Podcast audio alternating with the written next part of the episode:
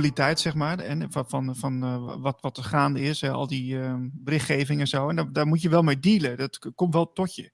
Dus, dus uh, in die zin maak ik mezelf ook niet makkelijk natuurlijk. Hè?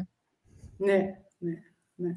Je kunt ook verkiezen om op, op, een hutje op de hei te gaan mediteren en zeggen van nou, we zien het wel. Maar ja, dat, dat doe ik dus niet. Nee, Nee, maar op een, het is belangrijk dat het niet, bij, dat het niet meer aanhangt. Dat we, dat we weten wat er is, dat we weten wat er nog gaat gebeuren, althans een idee hebben over wat er gaat gebeuren. En dat we van daaruit, um, ik had gisteren nog met mijn dochter uh, mijn schoonzoon over, van, dat je um, genoeg informatie tot je neemt om, om te weten wat er speelt op dit moment, maar er niet te diep ingaat. Ja, en dat is natuurlijk in jullie, op jullie vakgebied dan weer iets anders, want je moet wel wat dieper erin gaan. Uh, maar ja, probeer het niet aan te laten hangen, want daar waar het aan hangt, resoneert het nog met een eigen stuk altijd, hè? Ja, nou ja, bij mij persoonlijk is het dan vooral dat ik dan, uh, het was voorheen zo, ik, ik heb de laatste weken, kan ik dat weer beter handelen, maar dat je dan maar worstelt dat je omgeving dat, uh, dat op een of andere manier niet aan wil of niet snapt, dat je, en jij dat dan wel ziet. En dat, ja. ja. dat botst dan, hè? Dan denk je van ja, verdorie, begrijp je het niet of wil je het niet begrijpen, of wil je mij niet begrijpen, of dat ja, dat, dat vind ik af en toe, dat vond ik nog wel eens lastig. Maar ik kan er nu lichter naar kijken. Ook, ook, ik heb ook een reading laten doen met iemand. En dat, dat heeft mij wel die zwaarte doen uh, verminderen. Hmm. Uh, maar goed, ja, ik, dat, dat, ik denk ook dat de media niet de makkelijkste plek is om je nu uh, staande te houden. Uh, zeker niet als je ook nog eens een keer een gevoelig persoon bent. Dan, het is echt ook die frustratie. Hè? We willen zo graag, we willen zo graag iedereen mee. Ja. ja. En van de andere kant denk ik altijd, misschien doen zij er uh, in vijf levens over waar wij tien levens voor nodig hebben gehad. Dus dat, dat probeer ik dan ook altijd maar weer te relativeren. Ja, dat zei laatst iemand tegen mij. Die zei ook van, ja, je kunt wel, wel boos zijn of gefrustreerd zijn over op iemand die op dit moment uh, ogenschijnlijk niet bewust is van bepaalde zaken. Maar misschien is die uh, eigenlijk wel veel verder dan jij. Dat weet je niet. Nee, nee, dat kunnen wij niet zien. Nee. Dat kunnen wij niet zien, nee. Want dat is dan inderdaad een stukje ego als wij denken dat we verder zijn dan een ander. Hè? Ja. ja. ja. Hmm. En het spiritueel ego uh, viert hoogtij op dit moment. Dat is natuurlijk ook een ding. Hè? Oh ja? Nou, wat, wat, bedoel, wat, wat bedoel je daar precies mee? Nou ja, ik denk dat we, dat we allemaal wel dat stukje kennen van dat we. Uh, het is mij ook niet vreemd hoor. Het is niet, niets menselijks is mij vreemd, zeg ik altijd. Want ik heb het ook gehad toen ik uh, pas wakker werd. Dat je dan denkt van, oh, je weet net iets meer als uh, zeg maar de, de mensen die nog uh, helemaal in het onbewuste zitten. En dan denk je dat je de hele wereld kunt verbeteren, dat je iedereen meekrijgt en dat jij het weet. Maar als je, dan heb je het dus echt over spiritueel ego. En daar zitten natuurlijk nu heel veel mensen in, hè? Ja, ja zeker. Die, vooral de mensen die sinds uh, de periode van corona wakker worden ja, die mensen, die, uh, daar zit heel veel strijd, daar zit heel veel van ik weet het. En uh, juist het naar binnen gaan, het integreren, het doorwerken op, op celniveau, ja, daar gaat het om. Tuurlijk is het belangrijk, zijn de, zijn mensen die eh, als pioniers vooraan in de demonstratie uh, als taak hebben om daar de boel wakker te schudden. Alleen ook voor iedereen geldt het volgens mij op dit moment vooral naar binnen gaan. Stilte in weet niet of jullie dat ook zo zien. Maar... Ja, ja, zeker. Uh, absoluut. Ik moet er ja, voor mezelf nog wel meer tijd van vrijmaken, maar uh, ik, ik, ik, ben me er zeker van bewust. Ja. We hebben vandaag in de uitzending, want wat uh, Niels zei, doe jij de inleiding. Uh, Josette Robben. En ik zag op jouw website, namelijk dat is uh, liefdesenergie.nl. Je hebt ook nog een andere site, maar daar komen we misschien straks op. Uh, Daar staat een leuk stukje over jezelf. Op, 13, op 30 juni 1967 ben ik geboren in een wereld waar ik niets van snapte. Nou, dat is heel herkenbaar. Ja. ik keek om me heen en leerde het spel spelen. Ook heel herkenbaar. Met heimwee en pijn in het hart. Heimwee naar die andere wereld die ik me vaag herinnerde. En pijn omdat het erop leek dat ik als mens niet zo goed functioneerde. Door de rol die ik speelde zagen de meesten dat. Die zagen dat niet aan mij. Gelukkig ben ik rond 2000 werkelijk wakker geworden vanaf die tijd herinner ik me, herinner ik me nog steeds, uh, of steeds meer van mijn intermultidimensionale zelf. Ik heb weer contact met thuis en daar ben ik intens gelukkig mee. Ja. Dit herstellen van het contact met het ware zelf gun ik iedereen. Hoe doen we dat? Het herstellen van het contact met ons ware zelf. Ja, dat, uh, dat wat ik net al aangaf, dat, dat kan alleen door naar binnen te gaan. Dat kan alleen door uh, iedere keer weer de verbinding met je hartruimte te maken, door in het hart te zijn, aanwezig te zijn en uh, vooral ook te verbinden met de aarde. Want wij zijn, we weten allemaal wel, um, waar we, heel veel mensen hebben een soort heimwee, komen vanuit een wereld, zeg maar. Sommigen herinneren zich dat. Mensen vliegen heel makkelijk uit het, uh, uit het systeem, uit het, uit het lichaam. Dat betekent dat we niet helemaal goed onze ziel in ons lijf hebben. We hangen er vaak een beetje boven en daardoor gaat ons hoofd gaat enorm opspelen. Onze mind maakt overuren, ons ego speelt op. Maar op het moment dat wij ons gaan verbinden met de binnenaarde, met de energie van de aarde, niet de toplaag die dualistisch is, maar de aarde zelf. Want de aarde zelf is een onze liefdevolle moeder, hè, die, onze moeder die ons eigenlijk wil koesteren. Als we op, op dat diepe level de verbinding weer kunnen maken, zakken wij, zakt onze ziel ook dieper ons lichaam in. En dan komen we eindelijk thuis. Maar de meeste mensen die het hier nu zo pijnlijk vinden, wat ik zelf ook heel lang heb gehad, die zijn niet goed geïncarneerd. En daardoor kun je ook niet die verbinding maken. Hoe, hoe, hoe kan het dan dat uh, wanneer je niet goed geïncarneerd bent? Uh, kun je er zo over zeggen? Ja, ik denk dat uh, uh, vanuit mijn waarheid, hè, maar dat blijft natuurlijk met het hele gesprek, is het zo dat um, uh, heel veel hebben ehm, de ervaring op aarde natuurlijk willen meemaken. En vooral ook in deze tijd, deze tijd van de veranderingen. Alleen op het moment dat wij eh, daar als zieltje boven hè, met de beentjes op die, over die wolkjes zaten, van god, dat lijkt ons leuk om eens mee te maken, die rare wereld, konden we de zwaarte niet voelen. En op het moment dat wij uh, incarneerden in het, in het fysieke lichaam, wow, was het bijna alsof we boven ons lijf in één keer zo op de rem gingen van, maar daar willen we helemaal niet zijn. En uh, die dualistische wereld waar we in kwamen, ook al worden ook heel veel van ons, ook ik, ik ben in een liefdevol gezin geboren, maar de wereld was gewoon, trilde op een hele andere trilling dan waar wij vandaan kwamen. En die trilling was zo zwaar dat wij gedacht hebben, nou laten we er maar een beetje boven blijven hangen. En op het moment dat wij er boven blijven hangen, kunnen we de verbinding dus niet maken met ons fysieke lichaam, maar belangrijker met de aarde. En het belangrijkste van ons mens zijn is dat wij uh, onze, onze liefde in de aarde verankeren, in het, via het fysieke lichaam. Het middelpunt daarvan is onze hartruimte, ons hartchakra. Maar je kunt je voorstellen, als je, um, wat dan de bedoeling is, als je goed incarneert, als je helemaal je fysieke lichaam inneemt, dan is het dus, je hartruimte is het middelpunt en dan ontstaat die lemniscaat. Die lemniscaat die via het hart diep door de aarde gaat en dan de, kosmisch, eh, de kosmische zon pakt. Dus eerst door de aarde, dan de kosmische zon. Met het middelpunt ons hart. Op het moment dat de mensen, um, of de zieltjes zeg maar, niet goed incarneren, blijven ze meer boven dat, in het hoofdgebied hangen. De aarde wordt niet gepakt, dus de energie blijft hier. Nou ja, je kunt je voorstellen wat er gebeurt eh, de, de mind maakt overuren. Mensen, ik hoor zo vaak mensen die zeggen, ik ben, er is altijd geluid in mijn hoofd. Er zijn altijd gedachten. Er is nooit stilte. Dat gebeurt er als je niet goed in dat lijf zit. wat, er, wat er dan nog meer gebeurt, is dat die, de ego gaat, het ego gaat het overnemen. Uh, het ego, de, de monkey in your head, wordt steeds groter. Die eigenlijk alleen maar bedoeld is voor vlucht- en vechtgedrag. Uh, op het moment dat het nodig is. Die, die vinden het heerlijk, al die negatieve gedachten die dan in het hoofd komen. Dus die wordt steeds groter en groter. Dat, en daardoor blijven mensen iedere keer in die langspeelplaats zitten van die mind.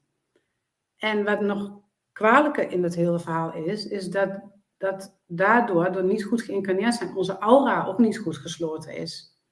Omdat we immers niet helemaal die verbinding met de aarde hebben gemaakt. Waardoor er ook nog allerlei rommel bij ons kan komen. En naarmate we dan ouder en ouder worden, wordt het steeds moeilijker om stil te zijn. En dat is nou juist zo belangrijk, het stil zijn.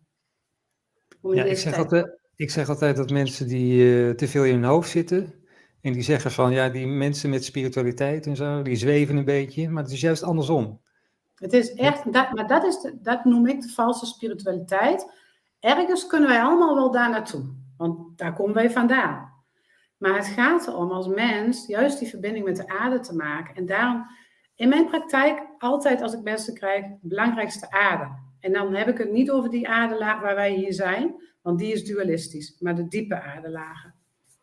En als je daar met die liefdevolle energie kunt verbinden, op het moment dat je je daar ook mee verbindt, dan voel je ook dat je, als het ware, dat je lichaam versmelt met de aarde. En dat je, um, ja, dat je een soort van uh, zwaardere benen krijgt. Mensen zeggen van, oh, ik word heel moe. Maar dat, dan zegt het lichaam eigenlijk van, hè, hè, fijn. Eigenlijk, uh, eigenlijk ga je eens naar mij luisteren.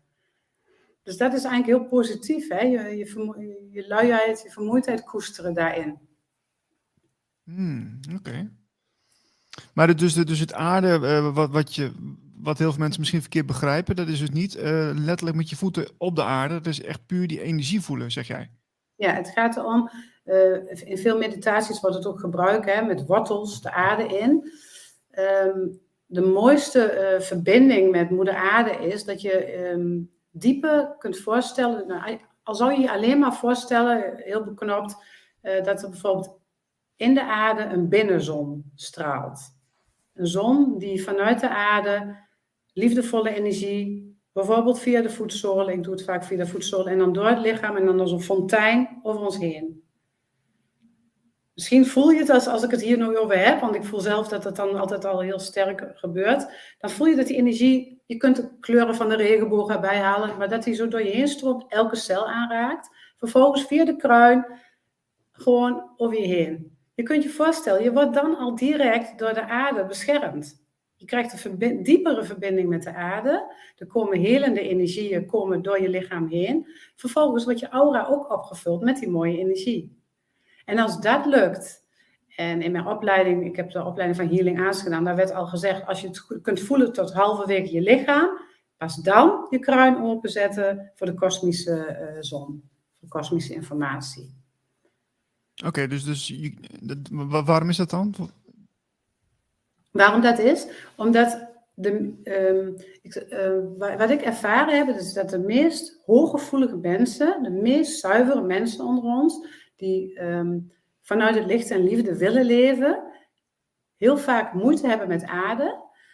Daardoor, uh, um, zeg maar, van alles gaat er meer spelen entiteiten, noem maar op, hè, die gaan meer aanhaken, parasiteren.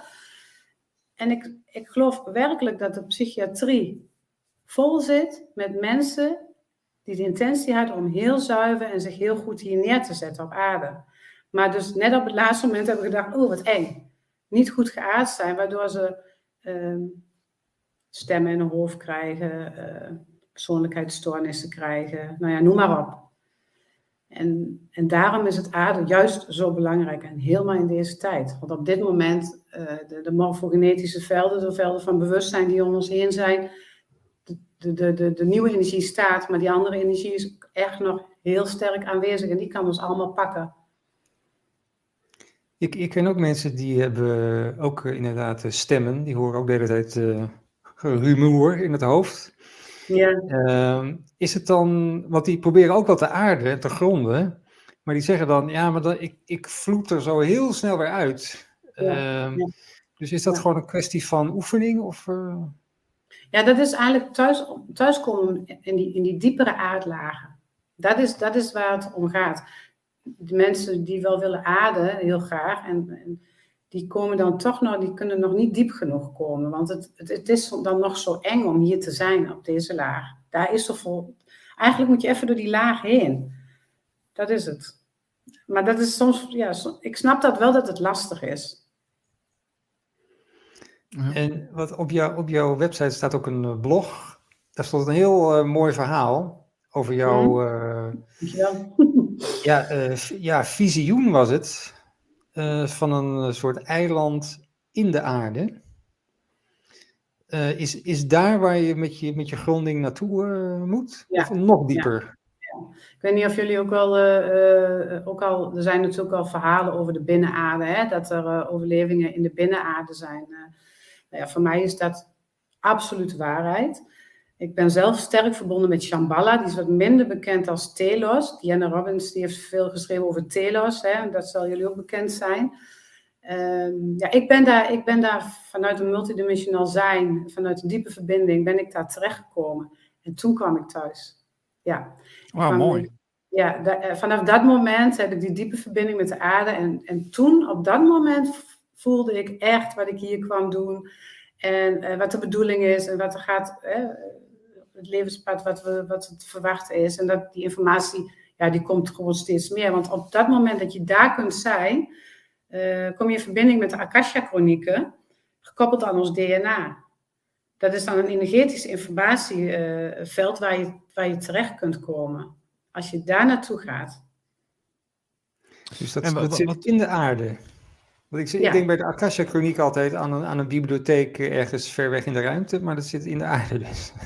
Ja, nou ja, het is wat eh, ik bedoel, de, de, de ehm, binnenaarde, de binnenaardezon is natuurlijk gekoppeld aan onze hartruimte en aan de kosmische zon. Dus het is wel overal. En als we goed verbonden zijn met de aarde, misschien haalt iemand anders het van Sirius of weet ik, eh, van een andere sterrenstelsel. Alleen ehm, voor ons mensen is, blijft het het allerbelangrijkste om het via ading te doen. En ik haal die informatie via de binnenaarde, maar via de binnenaarde kan ik ook weer doorreizen. En ben je dan toen eh, letterlijk geweest? Kun je, dat, eh, kun je iets Ja. over zeggen hoe, dat, hoe, hoe die ervaring was? Ja, ik heb eh, ehm, de. eh, nou, misschien is het wel goed om eventjes een klein stukje terug te gaan. Want ik ben in 19, eh, eh, rond 1998 eh, is mijn ontwakingsproces begonnen. En in eerste instantie ben ik begonnen als klassiek homeopaat. En op het moment dat ik die opleiding achter de rug had en mijn eigen praktijk had in 2004, toen, kreeg ik toen was het net of, die, ja, of, of de sluiers oplichten en ik steeds meer informatie doorkreeg. En toen ben ik de opleiding Healing Arts gaan doen. En in die tijd, dat we, ja, daar werd goed heel actief gewerkt op het aarden en op het, eh, transformeren van heel veel eh, buitenaardse stukken, eh, vorige levens, collectieve stukken. Daar hebben we heel hard aan gewerkt met z'n allen. Maar vooral werd daar ook op, op gehamerd om juist de verbinding met die aarde te, te maken. Dus dat werd als eerste gedaan. Nou, ik kwam dus op een gegeven moment in een diepe meditatie, altijd onder begeleiding van de, van de coach daar. En op dat moment kwam ik in die inner earth terecht. En ik voelde die energie door mij heen gaan. En ik weet ook dat ik op dat moment op de grond lag. En dat mijn coach zei, kijk eens om je heen. Dat ik zei, nee, ik hoef helemaal niks meer. Ik ben thuis. En ze, ze konden mij daar bijna niet meer wegkrijgen. Ze hebben nou wordt het tijd dat je opstaat, maar je moet echt wel weer verder. Zo fijn, zo, zo dat je denkt van ja, dit is het. Dit, dit Een is soort waar. eh, compleetheid. Ja, ja, ja. En, en, en dat, dat, ja, dat is de plek waar ik ook altijd naartoe... Maar inmiddels is het wel uitgebreid dus. Want op dat moment hoefde ik alleen maar dat te voelen. Maar daarna heb ik steeds meer gezien. Ehm, ontmoet ik daar ook zielen. En, en dat is gewoon heel mooi. En het mooie is dat je dan later tegenkomt... dat, heel, dat toch wel heel veel mensen dat hebben. Hè? Dat die verbinding. Ja, dat is ook een van de, nou ja, een van de redenen. Maar dit is, eh, kijk, Radio Gletscher is natuurlijk ook eigenlijk een beetje ehm, opgezet om dit soort onderwerpen meer eh, aan het voetlicht te brengen. Omdat het, eh, ja, wij, wij zien echt dat, dat het nodig is om dat de narratief, zeg maar, een beetje te verschuiven. Zodat het niet meer ja, in de hoek blijft hangen van het is bijzonder of zo. Mhm. het is gewoon Nee. iets waar je gewoon over moet kunnen praten aan een koffietafel. Ja. ja.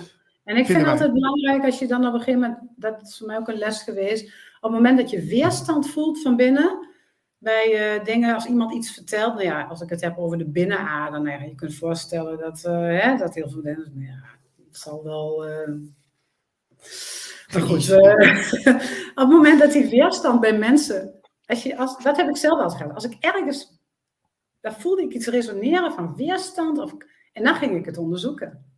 En dan, en dan merk je op een gegeven moment dat resoneert, dat, dat zal maar zo kunnen kloppen. Ja, het, het, is soms heel leuk als je dus uh, iets, iets triggert je. je. Je hebt een bepaald ongemakkelijk gevoel van iets. Dan, dan, heel veel mensen willen dat dan weg hebben en verdoven en zo. Maar het is ook heel leuk om daar wel in te gaan. Want dan kan je allemaal dingen mhm. dus ontdekken. Ja, dat vind ik ook heel mooi, ja. ja. Dan kun je daar een voorbeeld van geven, Marlijn? Nee. oh. jammer. Nee, ja, nee, want het is gewoon ja, een gevoel. En uh, je denkt, hé, waar komt dit vandaan? Dat, dat, dat, dat, ik wil het eigenlijk weg hebben, dat weet ik dan. Van, hé, hey, ja. mijn ego wil dit weg hebben. dus ik ga er expres naartoe. En dan uh, kijk ik wat er, wat er gebeurt. En soms, soms dan voel je dus een soort van, ja, een soort harde stukjes of zo in je. En dan ga je er naartoe en dan smelt dat gewoon weg. Dus ja. Ik, ja, ik heb niet echt een voorbeeld, want ja, het is allemaal uh, gevoelswerk. Maar uh, ja. Maar er, er zijn, er zijn, toch wel, zijn wel thema's toch die, uh, die dan komen? nee, nee, het kan alleen okay. maar. ja, en ja, het is. Ja je, je, je, ja, je ziet het dan als stukjes of iets dat smelt, maar ja. wat dat verder is. Maar Josette, kun je, kun je nog meer vertellen over die, over die binnenaarde, wat jij daar allemaal hebt uh, gezien en hoe dat eruit ziet? Ja, um, nou ja, ik, ik geloof zelf dat het ook wel zo is in die tijd, uh, tig jaar geleden, hè, ze hebben het over 26.000 jaar geleden of zo. Toen, er was er een groepje mensen die wist dat de val van het land is en dat de aarde op een, in een andere fase zou komen. Ehm, ik heb het trouwens ook gezien. Ik heb in een van mijn um, multidimensionale reizen heb ik gezien hoe de aarde veranderde destijds. Ik zag dat uh, in die periode daarvooraf heb ik gezien dat uh, de aarde was één collectief liefdesveld. Maar de mensen waren onbewust van die liefde. En daardoor konden dus op een gegeven moment konden het tegenlicht daarin terecht. Ik heb daar, daarover, ik heb op dat moment hebben ze mij de aarde laten zien en ik weet dat ik dacht, hé, hey, hoe kan het? Er gaan bomen dood en de kleuren veranderen. En dat was een teken dat we gingen richting de val van Atlantis uh, zouden gaan. En in die tijd waren er mensen ja, die wisten dat dat ging gebeuren. Die hebben zich teruggetrokken via de grotten in de binnenaarde. En er zijn een aantal ingangen naar de binnenaarde ook bekend. Hè? De Igasu Falls, onder andere. Mount Shasta is een hele bekende. Uh, nou ja, de, de, de, de, boeddhisten die hebben in Tibet hebben ze het ook over de gouden stad. Hè? Ze hebben het over Shambhala. En ja, dat wordt dan, ik, ja. ja. die wordt dan benoemd. Uh, mijn praktijk is ook Shambhala. Maar die wordt dan uh, benoemd onder Mount Kailash. Dat is ook een, een heilige berg waar iedereen naartoe gaat en omheen wandelt. Want vanuit de verhalen zou daaronder die gouden stad zijn. Er zijn dus een, en ook Telos. Dus Telos is dan in bij Mount Shasta. Daar, gaan ook, eh, daar zeggen ook mensen, daar, daar gebeuren ook bijzondere dingen. Maar je kunt alleen naar die, naar die binnenaarde toe als je een bepaald bewustzijn hebt. En daardoor is die binnenaarde is afgesloten van de buitenaarde, omdat in die tijd dus die val van Atlantis kwam. Maar die overleving en al die, uh, de heilige vlammen zijn daar bewaard, de heilige tempels, de Akasha-chronieken onder andere, dus gekoppeld aan ons DNA. Dat is allemaal daar bewaard. En nu, nu is het ook zo, en ik voel nu ik dit ook spreek, dan ben ik ook blij dat ik dat ook tegen jullie ook mag zeggen, is het dat, dat, die, dat, die, dat die, sluiers um, uh, dunner worden. Zij willen ook heel graag weer met ons samen uh, zijn, om weer samen te werken, om die nieuwe aarde te helpen opbouwen. Maar ja, tot nu toe is, is het maar mondjesmaat, maar het gaat wel heel hard, moet ik zeggen. Steeds meer mensen ervaren dit. Dus dat is een, ja, het paradijs zit onder ons. Ja, ja, ja. ja. Ik vind het wel een fascinerende tijd, hè? want je, je, eigenlijk komen er dus, dus uh, tijdlijnen komen eigenlijk bij elkaar. Die voegen eigenlijk in elkaar, zou je kunnen zeggen, zodat dat die nieuwe wereld wordt, de nieuwe werkelijkheid. Ja. Um, ja, ik ben, ik, ben, ik, ben, ik, ik, ik, ben heel benieuwd hoe dat er dan uit gaat zien. Hè? Want uh, ja, niet, niet, niet per se letterlijk, maar um, ja, wat, wat, wat zou er dan echt veranderen? Ik heb, als we naar een hoger bewustzijn gaan en uh, ja, de, de, zouden dus echt die, die, die mensen ja, van een andere tijdlijn meer zichtbaar worden als het ware. Dus, dus meer het onstoffelijke en het stoffelijke wat in elkaar overgaat, zodat je een beetje zo'n mistig, uh, ja, een mistige realiteit kunt ervaren of zo, of etherisch. maar ik denk dat, dat op een gegeven moment is het zo dat dat niet meer etherisch is. Want dan kunnen wij het wij kunnen het waarnemen. Dat is ook, eh, de wetenschap heeft ook gezegd, als we kijken naar ons DNA, er is een stukje junk DNA wat nog niet te lezen is. Als dat DNA geactiveerd wordt, zien wij ook meer. Dat is weer gekoppeld aan ons derde oog, ons hoger bewustzijn. We gaan dat dan ook werkelijk waarnemen. Dat is ook het verschil. Waarom sommige mensen alleen maar met hun vijf zintuigen uh, vanuit van ons fysieke lichaam kunnen waarnemen. En uh, zoals wij hier ook met z'n drieën zijn, dat wij ons derde oog al uh, in een hoger bewustzijn hebben, waardoor we meer zien. En waarom, waarom zien jullie dat dan niet? Nee, ze kunnen het niet zien, omdat daar, nog, daar zit nog een sluier voor.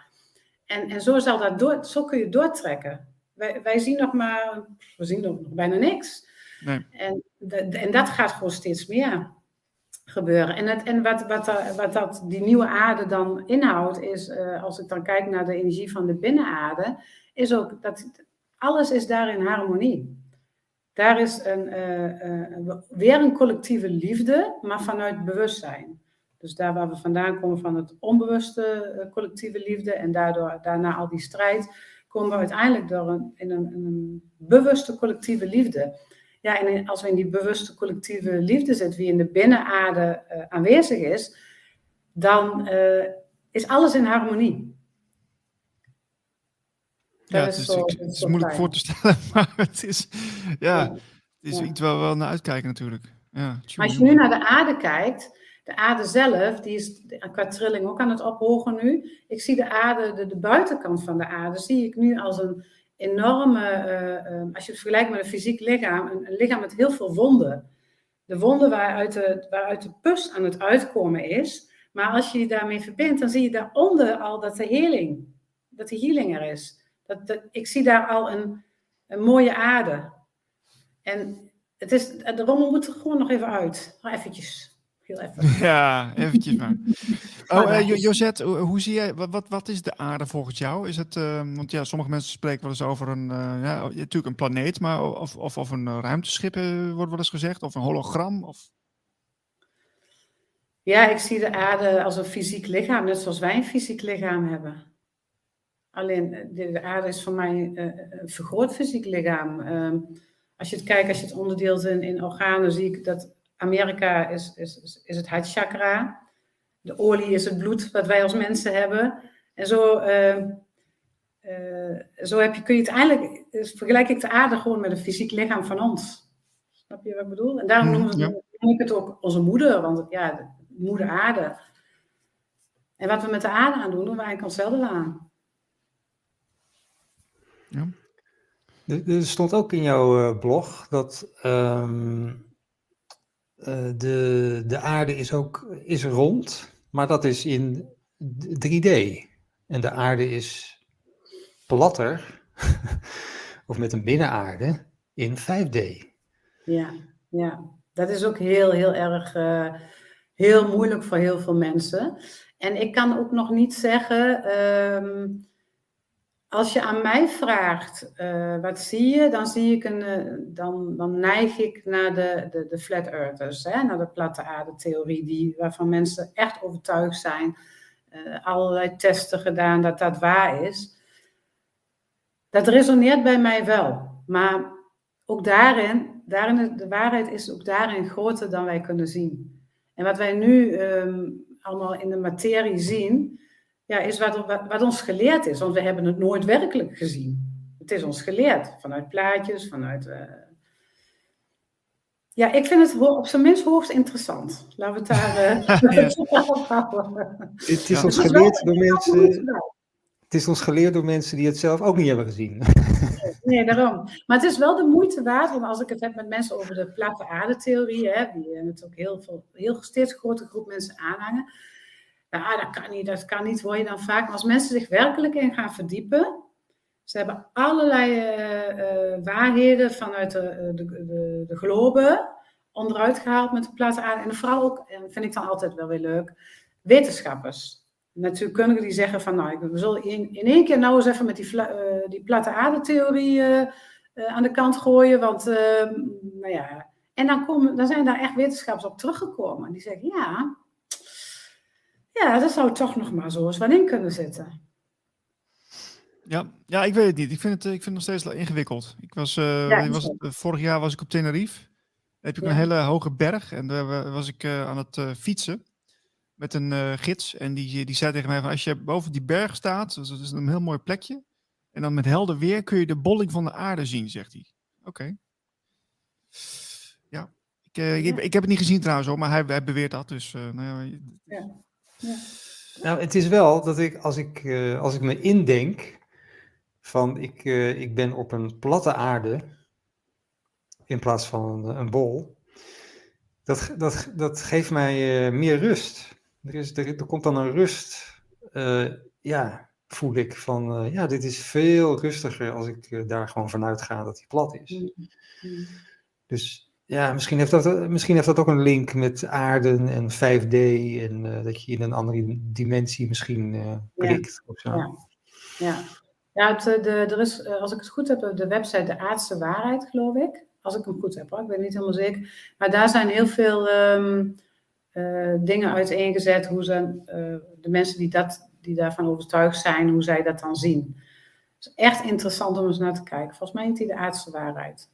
En dan, okay. maar ja. Ooit, zitten we met elkaar ook daar ergens misschien op een wolkje te overleggen van, oh ja, daar staat toch misschien wel wat in. Of daar zou ja. helemaal Kijk, het maakt mij op zich niet heel veel uit, maar kijk, als je maar de aarde niet kapot maakt, hè, daar gaat het om. Nee, daar gaat het inderdaad om, ja ja, en juist bijdragen aan de healing. Hè? Zo is het. Um, en ja, ja, ja, ja, Marlijn die zei tegen mij van ja, uh, Josette heeft overal een antwoord op. Dus uh, Josette, uh, we, gaan, we gaan zo heel leuk van start. want, want heb jij ook een, een, soort ehm, connectie met, met buitenaardse of, of ervaringen mee? Wel, in de opleiding hebben wij veel met buitenaardse stukken gewerkt. En ik kom het nog wel eens tegen, ja. ja. ja. Oké. Okay. Kun je het zo verdelen? Ja, het, het, het, gaat, het gaat soms wel echt ver, hè.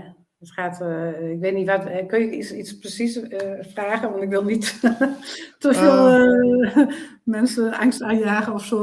Nou, je, je, ziet, je ziet wel eens stukken van oude, oude Anunnaki-dingetjes, energie in, in mensen hun veld, geloof ik, hè? Ook, dus. Mm -hmm. Ja, weet je wat het is? Um, wat ik geloof, en ja, ook daarin, wat ik toen straks vertelde, het stukje waarop de aarde vanuit die, uh, die liefdesfrequentie gevallen is, dat heeft naar mijn idee te maken met een, een soort van invasie van buitenaards, onder andere de Greys, uh, de Anunnakis. Daar is een vermenging geweest. Er is een vermenging geweest aan deze kant, een vermenging aan de andere kant. En um, er zijn buitenaardse rassen die, die, die vinden ons vooral heel interessant, of die vonden ons interessant, want de toegang is naar mijn idee nu afgesloten. Um, die vonden ons interessant omdat wij uh, vanuit, vanuit liefde leven. Wij halen voeding, de mensen halen voeding uit liefde. Maar er is een, er is een tak van die boom, hè, die, die, die bron afgekomen en zij leven, zij, zij kunnen die liefde niet voelen. En daarom, daarom vinden ze dat heel interessant. Ze zijn vaak heel ver qua intellect, qua... Uh, techniek en alles.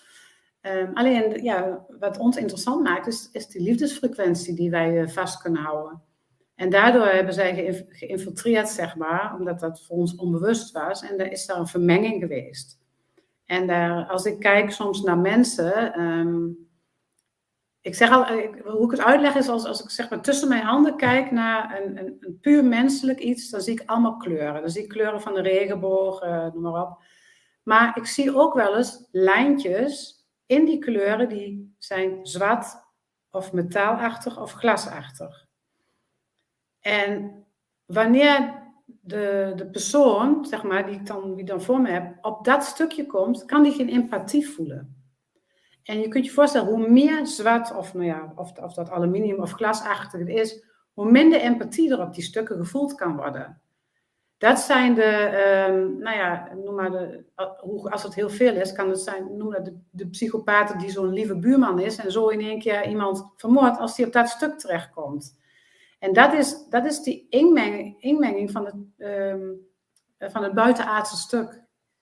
Ja, en dat zie jij dus, dat, dat neem jij waar bij mensen in, in hun, in hun uh, aura, denk ik? Of, of, ja, als ik, maar, als, ik, maar, ik, als, ik, als ik maar op iemand afstem, dan zie ik dat. En ja. als iemand, ik, heb wel eens iemand in mijn praktijk gehad die dat dan bewust was. Dat die, uh, was maar een klein stukje. En die wil, het kan getransformeerd worden, hè? het kan, kan getransmuteerd worden. Net, zo, net zoals nu ook de, de schadelijke effecten van de, de, de vaccinaties kunnen getransformeerd en ja, getransmuteerd worden. Alleen daar moet wel een bewustzijn zijn. Ik heb één keer iemand in mijn praktijk gehad die had het bewustzijn, omdat hij verder, dat, dat liefdevolle stuk was heel bewust. Van daaruit wilde hij dus dat andere stukje waar hij zich bewust was transformeren. Maar op het moment dat wij daarmee aan het werk gingen, kwam hij toch in een heel na stuk terecht en kon hij daar op dat moment niet uitstappen. Ik heb toen ook die behandelingen moeten blokkeren, want dat ging niet meer. En dat, en dat is wat je dan ziet. En, maar nu is het ook weer een andere tijd, dus nu gaat dat weer makkelijker en het komt toch meer in het zicht. En zijn het dan bepaalde eigenschappen of gedragingen die dan uh, naar voren komen bij die persoon? Ja, dat, dat is een, echt een gevoelloosheid wat je dan ziet. Hè? Ze hebben niet, die mensen die daar zitten, hebben niet in de gaten dat ze kwetsend zijn, dat ze, uh, er, is, er is geen empathie. Zij kunnen niet inleven op dat moment in een ander. En dan heb ik het niet over mensen die in angsten komen of zo. Hè? Dat is wat anders. Dat, dat is soms ook de, mensen die angstig worden of heel erg in de emotie, die kunnen ook helemaal daarin gaan zitten. Dat is wat anders. En dan vergeven ze ook alles aan iedereen. Maar er zijn gewoon mensen die sommige stukjes, als ze daar zijn. Ja, ik heb een hekel aan het woord narcisme, want dat wordt tegenwoordig overal voor gebruikt. Maar maar dan, dan, dan zijn dat vaak toch dat mensen zeggen: hé, hey, wat raar, hoe kan het nou? Zo'n lieve persoon. Ja. Het klopt gewoon niet. Misschien, misschien uh, komt er bij jullie ook iemand in gedachten dat je denkt: hé, hey, dat is. En dan kan dat daarmee te maken hebben. Ja, en hoe meer natuurlijk dat buitenaardse, en dan je ziet de elite waar we het over hebben en die nu aan het vallen zijn, zeg maar, daar is bijna geen menselijk stuk. Daar is bijna, daar is bijna geen kleur. Daar is alleen maar dat empathieloze. Maar dat, dat is een soort uh, overblijfsel eigenlijk nog. Dus dat, uh... ja, ja, het is vermengd. Het, het, ja, het is eigenlijk vermenging uh, ertussen. Ja. We, we, moeten nog even door naar wat anders, want ik zie de tijd. Jij bent ja, het is ook wel een, na, een, zwaar, ik, ja, dat is ook wel een zwaar stuk. Hè, dat, nou ja, op dit moment wordt alles, eh, alles komt naar boven, alles gaat gezien worden. En dat, dat is nodig om, om, om geheel te worden, helaas. Ja. Hoe je wil ergens naartoe, Marlijn? Of, uh... Laat me het daarop houden. Ik wil ergens naartoe, ja, wat, uh, wat, ook, ook iets waar uh, Niels uh, mee struggelt af en toe. Want Niels, jij stuurde mij een een tweetdraadje door van iemand. Ja, ja, die vond ik wel heel treffend. En ik vond hem zelfs ook wel een beetje pijnlijk. Um, ja, we gaan van pijnlijk naar pijnlijk. Ja, ja ik, weet je, ik, ik zie gewoon, je ziet natuurlijk dingen gebeuren, ook natuurlijk in je eigen leventje, maar ook bij andere mensen. En dan denk je van, jeetje, dat is wel even de spijker op zijn kop. Dus uh, mm. ik zeg, pak hem maar even bij. Dit um, staat op het uh, Twitter-account van Victoria Grichet, nummer 1. Maar het is van Michelle Price, dit, deze tekst. En dit, dit heeft denk, denk ik een link met energetische koorden. Maar uh, dat, dat kunnen we misschien even kijken of dat zo is. end of soul contracts. So many relationships Family ties and long term connections are currently in chaos and emotional pain. The divine between those who embody love and those who still live in fear is very real. We're seeing some people we've known and tolerated for years on a completely different wavelength. Literally. We no longer have anything in common, and our differences are greater than the karmic bond that once held us together. Ja. This is all a natural misalignment of energy, the quantum realignment process, as energy attracts and different energies repel.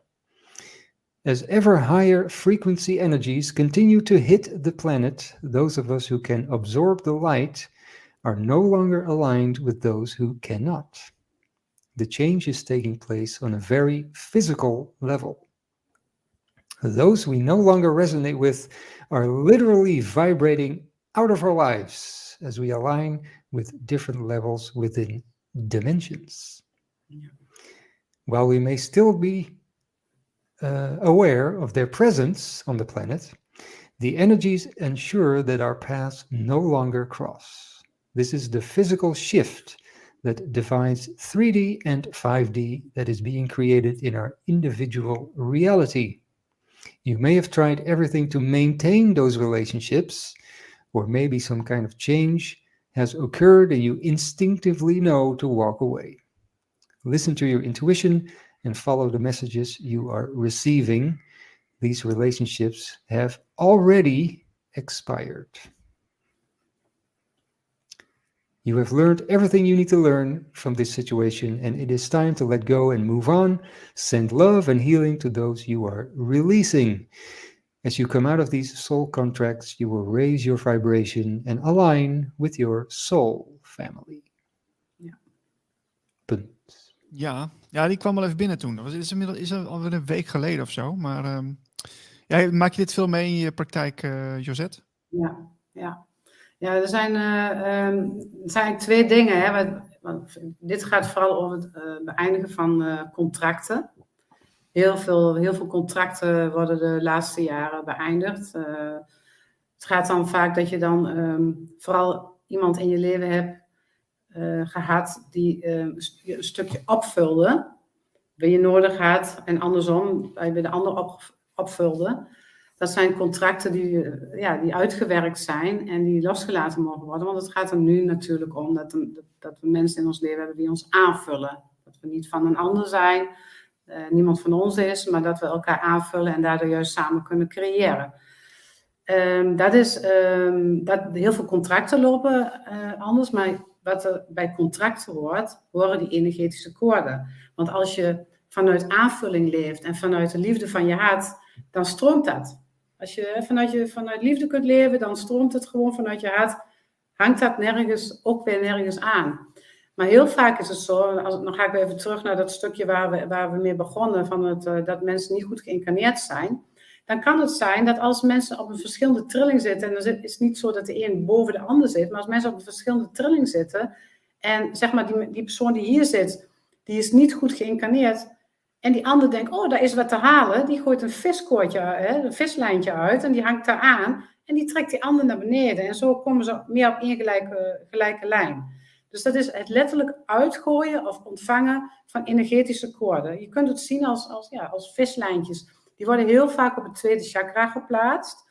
Omdat daar natuurlijk het gevoelsgebied zit. En daar zit ook het stukje van macht en... eh, uh, uh, vooral ook in, in uh, liefdesrelaties zit daar vaak manipulatie, uh, elkaar ja, vasthouden op een bepaalde manier. Die koorden, ook daarin weet ik dat, we hebben daar ook in mijn opleiding heel veel mee gewerkt en er was echt hard werk om die koorden los te maken. Tegenwoordig merk ik als mensen uitlijnen inderdaad in de frequentie van 5D, lost het op. Ze lossen gewoon op, omdat het daar niet meer kan zijn. En als je uh, een, uh, een herkenbaar is, wanneer je, uh, wanneer je bijvoorbeeld, stel, dat je goed in je vel zit, je bent lekker bezig en je denkt in één keer aan iemand waar je op dat moment al heel lang niet meer aan gedacht hebt en denkt, hé, bah, jammer dat ik daar nou even aan denk. Dan zijn daar vaak nog energetische koorden in werking. Ze oh, kunnen zelfs door de dood heen. Ze kunnen, ik heb wel eens met een, een, dochter met een moeder, waarvan de moeder echt veel koorden bij die dochter had geplaatst. Die moeder was overleden, heb ik zelfs uh, samen met haar koorden verwijderd. Dus dat, oh, is, dat is ook, interessant. Ja, ja, Want veel mensen, als, je je moet je voorstellen, als je niet goed geaard bent en je zit alleen maar hier, dan kan er van alles inbreken. Dat gebeurt, niet vaak, dat gebeurt vaak niet opzettelijk. Maar als jij, goed, als jij een hoog trilling hebt en iemand anders heeft die trilling niet, die wil graag bij jou aftappen. En zo zijn, zo zijn er echt mensen die met veel koorden nog lopen hoor. Dat, uh... Ja, ja ik, ik, nu het zegt, ik, ik moet wel tegelijk eens denken aan bij mezelf dan. Ik heb, ik heb ook wel eens van een, een, jaar geleden ben ik gestopt met mijn werk.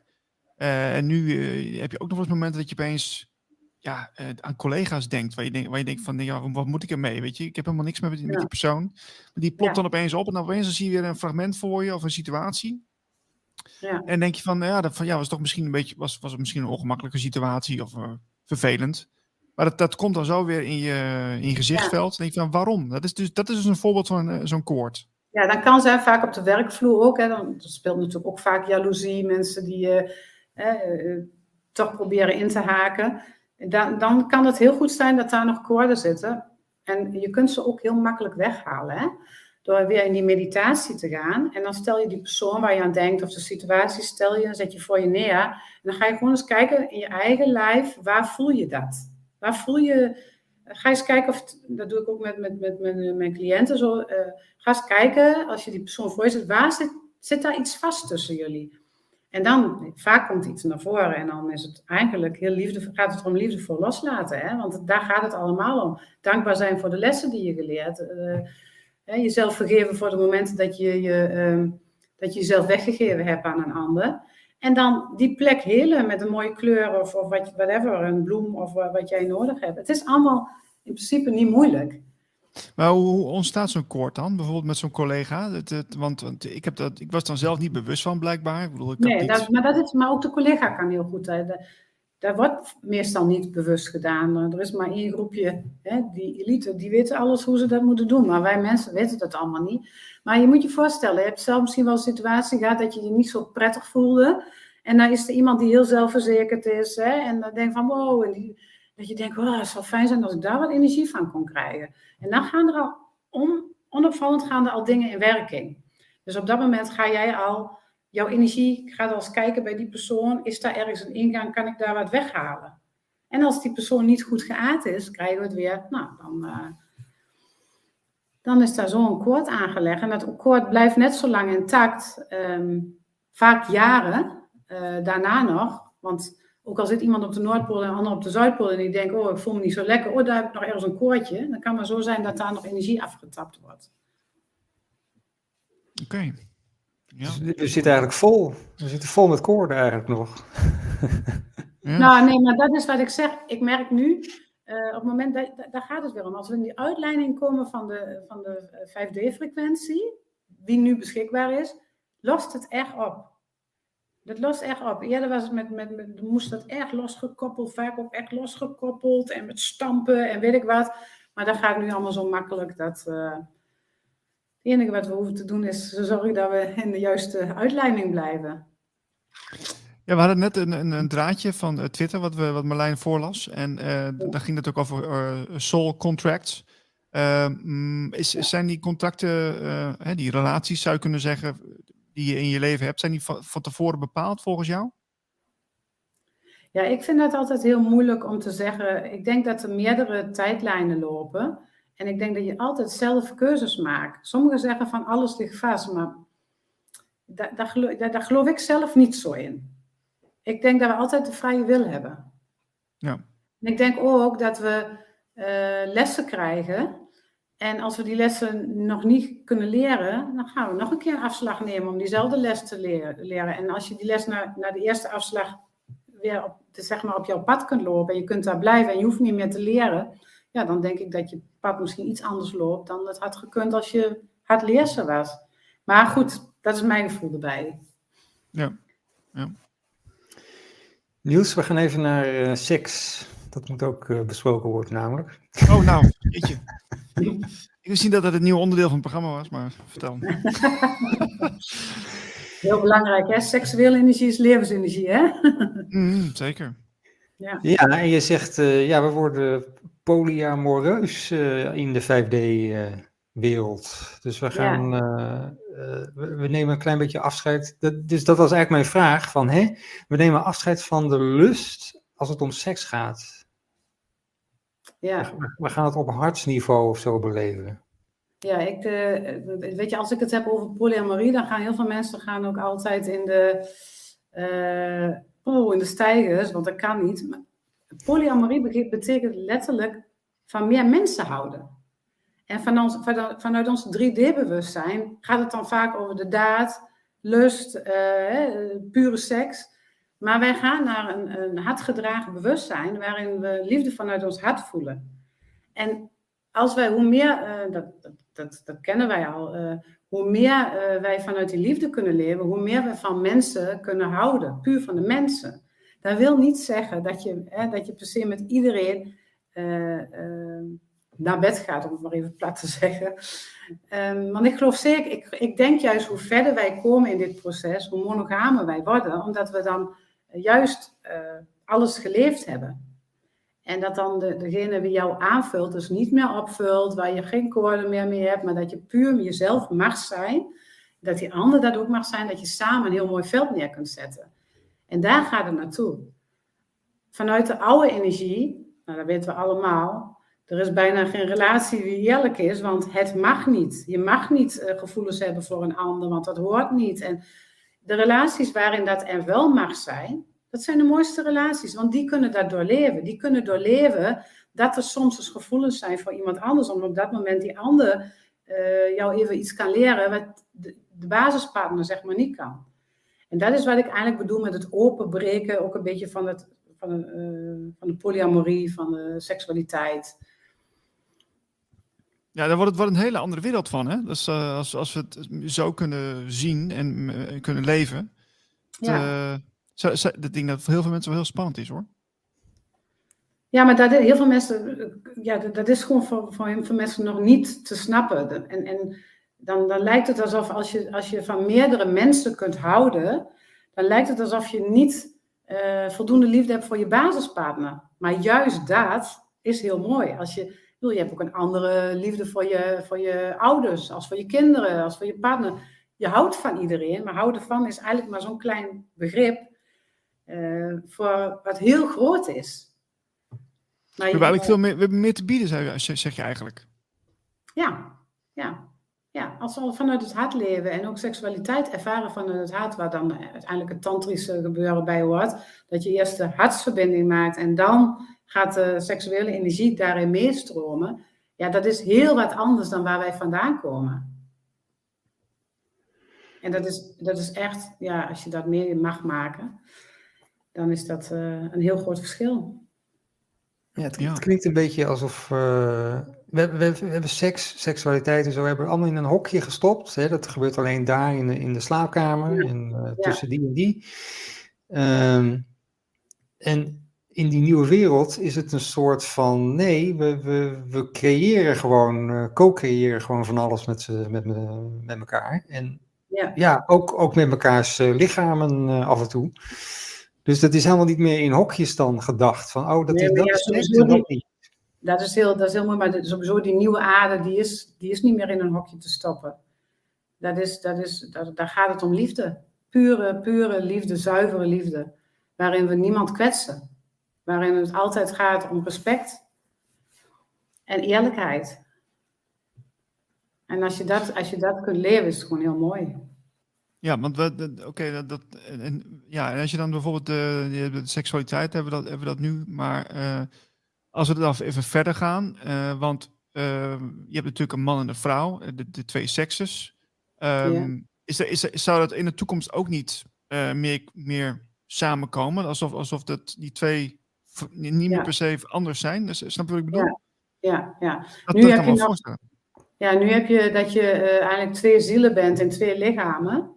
En dat, daar zit een magnetische kracht tussen. Omdat, en dat is dan heel mooi als je, hè, als je die, andere, eh, die andere persoon eh, tegenkomt. Nou, ja, het is mijn, eh, gelukkig vorig jaar mij gebeurd. Het is heel Oh! mooi, maar ook, Wauw. eh, eh, het, is ook, het is ook nog heel lastig. Want eh, ja, deze tijd is het... is het gewoon omdat ook onze menselijke stukken daar nog tussen staan. Hè? Maar uiteindelijk is het zo dat we twee zielen zijn. Als je, als je die ander tegenkomt en die versmelting ervaart. Dan, maar als je, net wat jij ook zegt, als we verder zijn en wij, dan is er een nog grotere versmelting. Dan is, dan, dan, dan is het gewoon één. Dan, dan is er geen man en geen vrouw meer. Maar dan is het mannelijke en het vrouwelijke in balans. En dat, is, ja, dat is natuurlijk, ja, daar gaan wij volgens mij naartoe. Maar dat, dat, dat merk je dus ook als je in de liefdestaat bent, als je diep in meditatie bent of je diep bij jezelf, dan, dan ben je het wezen, weet je wel. Dus dan is het niet meer, dan is het die, die identificatie met uh, seksualiteit is er ook gewoon niet. Het is gewoon liefde, dat, dat is overstijgt, weet je wel. Dus ja, ja het, is, het is op zich logisch dat dat straks die kant op gaat, denk ik dan. Ik, vind het, uh, ik vergelijk het wel eens met als je in een, als overdag de zon schijnt en je kijkt naar de zon, dan zie je vaak die rand nog en soms zie je de zon. Als je kijkt, dan zie je in één keer, woem, dan, dan wordt het één groot licht. En daar vergelijk ik een beetje mee waar we naartoe gaan. Het, ja, het wordt allemaal etherisch, het lost op. En, en zo is het ook. Wij kunnen niet vanuit onze beperkte bewustzijn van 3D kijken hoe uh, seksualiteit en, en, en liefdesenergie gaat stromen straks uh, als we een stukje verder zijn. Dus ja, dat is, uh, ook dat wordt een mooie tijd, maar ook om daar helemaal in te vertrouwen en naartoe te gaan, ja, dat heeft tijd nodig allemaal. Ja, ja dat, dat kan nog wel jaren duren, denk ik. Dat is een heel proces. Ja. ja. Of, of, zou het misschien ook wel super snel kunnen gaan, volgens jou? Ja, nou ja, ik denk wel dat het gewoon allemaal heel snel gaat nu. Uh, dat, ja, het grote ontwaken is natuurlijk begonnen. Het is begonnen met. Uh, de, dat, werd, dat, dat was natuurlijk voorspeld. Tijdens corona is er al een hele grote groep wakker geworden. Nu de gruwelen van de uh, satanische rituelen naar boven aan het komen zijn. Ja, als ze aan onze kinderen zitten, daar wordt nog een veel grotere groep wakker van. En dat, dat is nu gaande, hè? Ja. Dat is niet meer te stoppen. Ik pak even jouw uh, website erbij. Ja, ik heb een nieuwe website en dat is uh, www.shambhala Healings. En ja, die. die ben ik nu nog aan het opbouwen, ja. ja. En daar, daarin, je, je, je hebt allemaal diensten, maar ook een ascensieceremonie. Ja. wat, wat, wat, wat gebeurt daar? Ja, dat is vanuit het, ik weet niet of jullie het boek kennen van Aurelia Jones. Zij heeft de zeven heilige stralen. En daarin zijn ook meditaties opgenomen. Dan word je, elke straal heeft een uh, genezende werking. Hoort bij de dagen van de week, hoort bij de zeven chakra's. Als je daarmee bezig bent, dan word je al steeds meer uitgelijnd met je ware zelf. Uh, zij heeft daar ook uh, ascensieceremonie in, in, beschreven. En daar heb ik ook al eens gedaan met groepjes. Dat betekent dat je samen gaat zitten en, je, en je, in het boek staat ook beschreven. En je gaat juist die verbinding maken. En als groep kun je heel, heel goed die verbinding maken. En, en ontstaat ook die pilaar van licht waar je dan samen in komt, waardoor het veld ook sterker wordt. En ehm, ja, daarin, uh, er is een etherische ascensiestoel. Die kun je dan uitnodigen om er te zijn. En dan komt er een extra, uh, zeg maar een extra energiestroom door je heen, waardoor uh, ja, de cellen aangeraakt worden. De cellen letterlijk op een lichtere trilling komen. Dus ja, zoiets dan, zeg maar.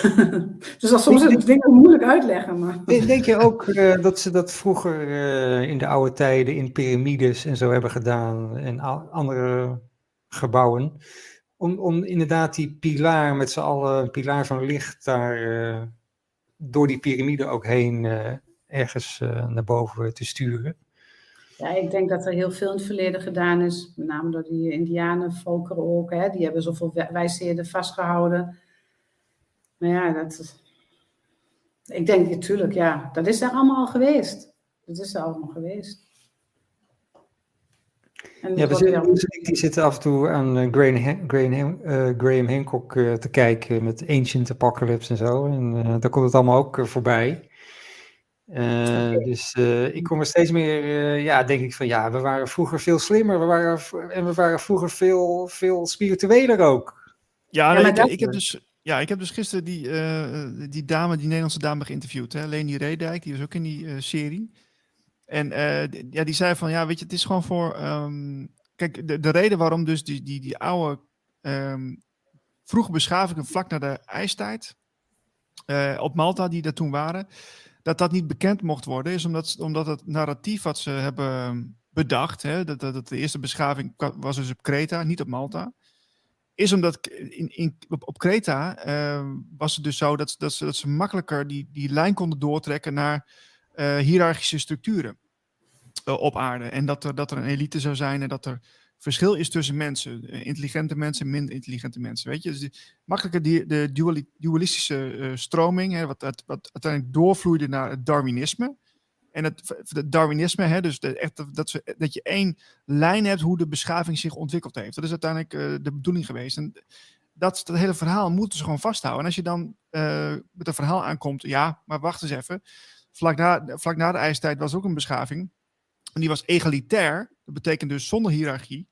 Ja, als je dat dan gaat vertellen, dat vinden die machthebbers heel vervelend. Want het zou betekenen dat, dat, dat er uh, nog meer beschavingen zouden zijn. En dat ook dus, ja, dat, dat het niet meer klopt.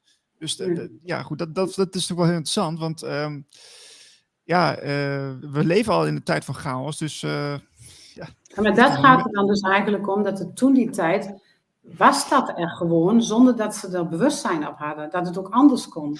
Omdat als jij altijd maar denkt, dat is nu wat ook een hele groep mensen nog doet. Het kan niet zo erg zijn.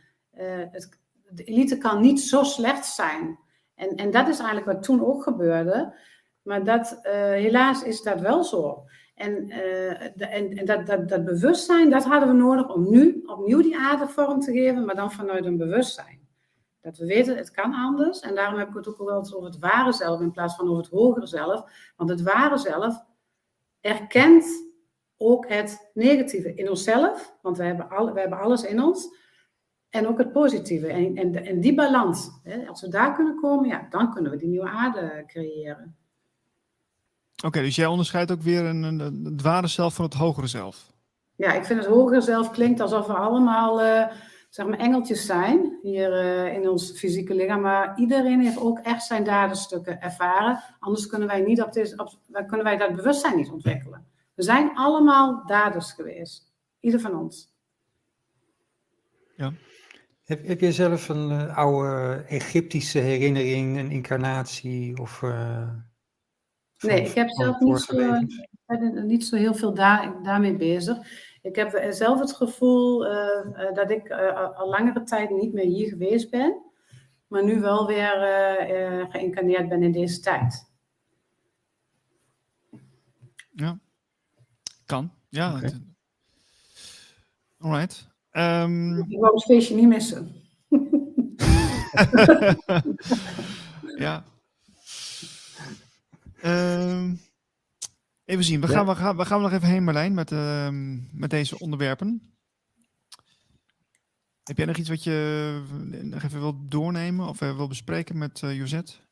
Nou, misschien wil Josette zelf nog even, want je, je biedt heel veel dingen aan, heel veel diensten. Dus uh, je, hebt, je hebt de healingen voor, voor kinderen ook, en reiki en meditatie en ja.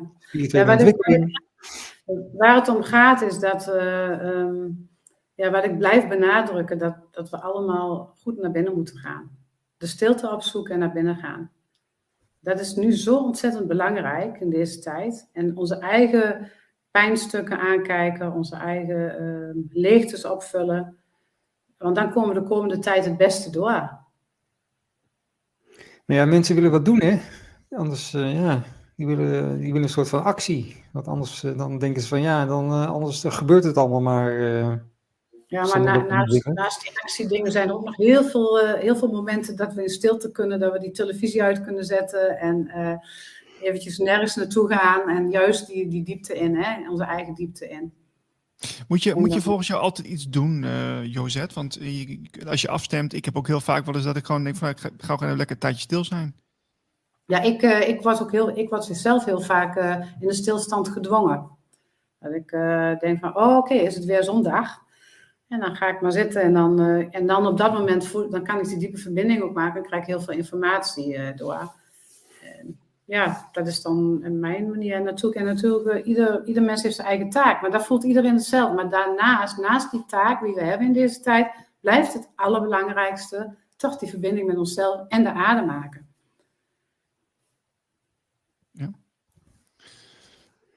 Lijkt me goed. Nou, dat kan iedereen in zijn zak steken. Ik denk het ook. Geef je ook lezingen, Josette, over dit soort onderwerpen of niet? Eh, ik werk altijd het liefst één op één. Want ik ben niet zo heel geweldig in groepen. Want, eh, maar ehm, ik heb in het verleden, al was het in 2012, heb ik in ieder geval wel de, de lezing van 2012. Hè, die, de, op dat moment zijn we met heel veel mensen bezig geweest met de nieuwe energieën. Uh, die heb ik toen wel georganiseerd. Maar goed, wie weet, de toekomst.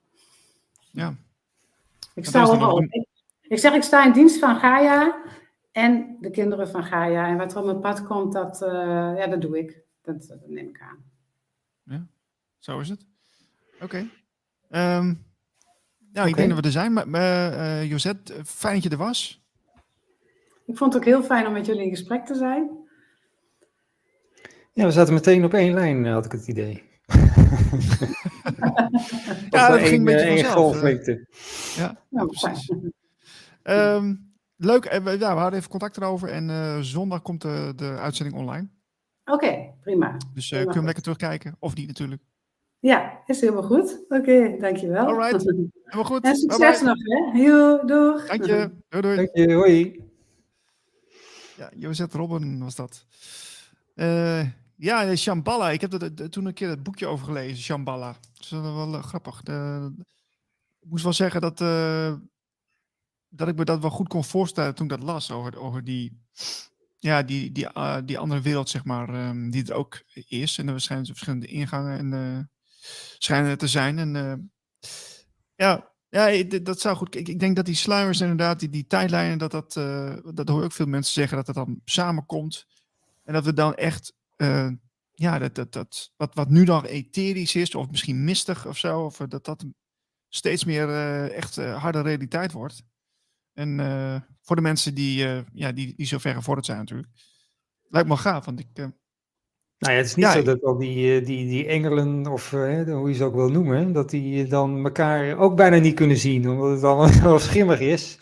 Die zien met elkaar natuurlijk wel heel scherp. Dus, ja, inderdaad. Ja, ja. Dus, maar ik vind, ja, het is toch, ik vind het toch een beetje lastig om te begrijpen. Dus ik, ik, kijk, ik snap het wel. Dus het is, ja... Alleen het is uh, moeilijk om onder woorden te brengen. Ik, ik, vind het zoeken naar, omdat het een, echt een nieuwe belichaming is van de realiteit, vind ik het moeilijk om dat uit te leggen. Heb jij dat niet? Ja, ik zie het altijd meer als, uh, als vloeibaar. Dus je hebt in een oh, droom ja. ook. In een droom ja. is alles heel vloeibaar en als uh, vanzelfsprekend, ook al gebeuren de gekste dingen. Ja, daar gaan we een beetje naartoe. Dus um, ja, in, in, ja, dat is, ja, in een droom is het ook heel logisch. Dus uh, waarom dan niet. Uh... Ja. ja, inderdaad. Nou, ik kijk er wel naar uit. Dus laat me komen die tijd. Wij zijn al mee bezig in ieder geval. Ja, ik ga eens even kijken. Want ik heb een heel kort filmpje. Heel kort. Oh, wacht eens even. Ik denk dat ik het al weet. Ja, ik, ik, ik, ik wilde er naar je doorsturen, uh, was vorige week of zo. Want toen, zag ik het ook al voorbij komen, over die schapen. Ja. Ja, ja. en toen dacht ik al van, nou ja, dit, ik zag één. Ik zag, op een gegeven moment zag ik nog een ander filmpje. Er was nog iets met, met, met dieren die allemaal in een rondje lopen. En, uh, en toen zag ik ook allemaal mensen erover twitteren. Ik denk van, nou, er zal toch wel iets aan de hand zijn. Maar dat, is, is, hoe serieus is dit, Marlijn? Is het, uh, is het een grap of... Uh... Ja, dat gaan we nu beoordelen. Kijk, dit, dit zijn ze. Ja.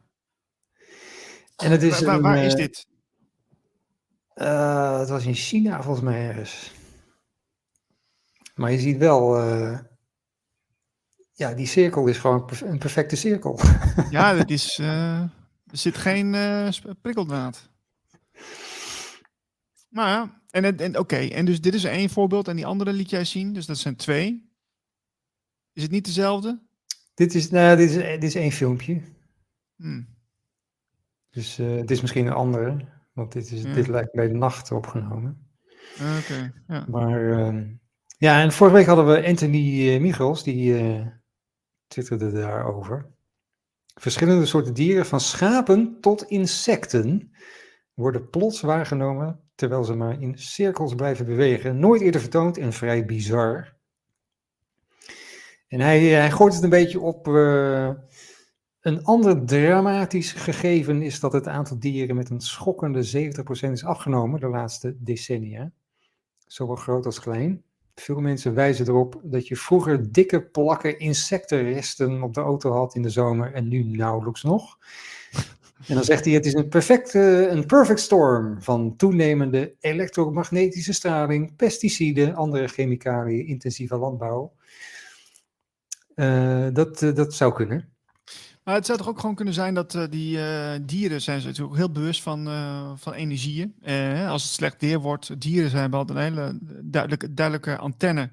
Dat ze weten van oké, er komt een storm op of een, een, een orkaan. En zou het dan niet kunnen zijn dat, dat, ze, dat ze inderdaad, omdat die frequentie op aarde zo verandert, dat die dieren het ook merken. En dat, dat, dat velden, zeg maar gewoon in een, in een veld of in een weiland ehm, sterker worden. En dat, dat ze daardoor, ja, de, dus plekken bijvoorbeeld waar ooit een, een UFO is geland, dat dat weer eh, wordt geactiveerd. Ik zeg maar wat, hè? En dat ze daar dus omheen lopen. Ja, ik- dit is gewoon een theorie van Niels Lunsing. Dus het is gewoon, eh, dat zou kunnen, hè? Dus ik zeg maar wat. Nou ja, ze voelen, ze voelen aardbevingen aankomen en tsunamis aankomen. Dus, dus die hebben een, een, eh, een gevoel voor, voor energieën. Die wij, die wij ook wel hebben, denk ik, ergens. Maar dat zijn we een beetje verleerd. Ja. Zou, zou, dus zou daar iets van weten, of niet? Want die zit nog mee te kijken. er- is, nee, misschien weet zij het. Ja, dat zou kunnen. Je kunt het even vragen als ze, als ze wil, hè? Maar, ik weet niet of ze wil, maar maakt het niet uit. Ik kan het niet zien, hè? Hallo, Daar ben ik Josette. weer. Gezellig. Ik ben met die gast met één oor naar jullie aan het luisteren. En eh, wat was de vraag? Nou, we hebben dus eh, een aantal filmpjes van dieren die om een bepaalde cirkel heen lopen. Misschien heb je het wel Ja, gezien. ja, dat zag ik, ja. ja. En eh, dus de, de- ja, we vragen eigenlijk om een verklaring van hoe kan dat nou? Wat, wat, wat gebeurt daar? Heb je een idee? Ja, het e- eerste wat in me opkomt, magnetisme en dat soort dingen, dat dat, dat, dat, dat, dat dingen aan het veranderen zijn. Maar ja, nee, daar kan ik jullie geen antwoord op geven. Nee, ja, ik had een theorie dan moet ik eerst op mediteren, denk ik. nee, ik dacht van kijk, dieren zijn sowieso natuurlijk al gevoelig. En het zou misschien kunnen zijn dat ze dus eh, dat die gevoeligheid op een aantal plekken ook eh, verandert. Hè? We- Misschien waar vroeger UFO's geland eh, zijn, dat die, dat die plek weer wordt geactiveerd. En dat ze daar dus omheen Het lopen. ligt wel echt op een graancirkel. Het ligt wel bijna zo op een graancirkel ontstaan of zo. Hè? Precies. Dat, dat zou kunnen, ja. Hmm. Ja. Wat denk jij Marlijn? Ja, ik denk dat we het eerder in die hoek moeten zoeken. Niet, niet in de hoek van eh, eh, de, de geheimzinnige griezels op de achtergrond die allemaal eh, de, de, met de chemtrails en zo eh, ons proberen te vergiftigen. En de dieren die hebben dat dan als eerste door. Of, eh, dat, eh, dat, ja, is iets te Ja, ver denk ik. Ja. Maar mij verbaast niks meer tegenwoordig. nee, ben je al zo ver heen? ja. Ja, het is, het is natuurlijk een knotsgekke wereld. Maar voor, voor de mensen die eh, dat al langer zagen, is het... eh, eh, ja, ik wil, ik wil niet zeggen verzadigd of zo, maar... ehm, ja, die, die, die, eh, dat enthousiasme of die, die, die gretigheid naar nieuwe informatie, daar ben ik dan wel een beetje klaar mee. Ik, ik, ik heb, ik, het is wel echt een soort van... eh, ja, hoe zou je het zeggen? eh, berusting in heel veel dingen nu, bij, bij mij in elk geval. Niet hoe, hoe bij jou is, Marlijn, maar... Eh, nou ja, kijk, wij doen dit programma natuurlijk wel ook om informatie te, te geven. Dus we moeten ook wel een beetje op de hoogte blijven. Ehm, en dit, wat Josette ook zei, die zei ook van, ja, je moet niet, eh, je, moet, je moet er wel van afweten, je moet het bewust worden, maar je moet er weer niet te veel ingaan. En dat is een, dat is een soort balansspelletje dat je dan moet doen. Want eh, ja, je wordt er snel in meegetrokken in, in zoiets. Ja. Maar ja, oké. Maar ja, goed. eh, Even van afweten. Eh, soms, sommige onderwerpen zijn ook wel weer goed om juist wel even in, doorheen te spitten. Ik denk dat het voor ieder weer persoonlijk is waar het de aandacht naartoe moet. Of denk jij er anders over, Jozet? Nou, ik denk dat, dat, dat wat, ik, wat ik zei ook al inderdaad, van uh, wat jij net ook zei, um, in balans blijven. Hè, van uh, net zoveel waarheid dat je, dat je het weet. Uh, en, en iedereen heeft zijn eigen taak. We kunnen niet, dat vind, dat, sommigen wijzen ook met de vinger naar de ander van, ja, dat hoeft niet of dat hoeft niet. Maar ieder doet zo zijn ding. Ik heb onlangs een boer horen spreken, die was, zat zo in de strijd voor de boeren. En dan denk ik, ja, maar hij, kun je wel zeggen, je moet niet strijden, je moet in liefde blijven.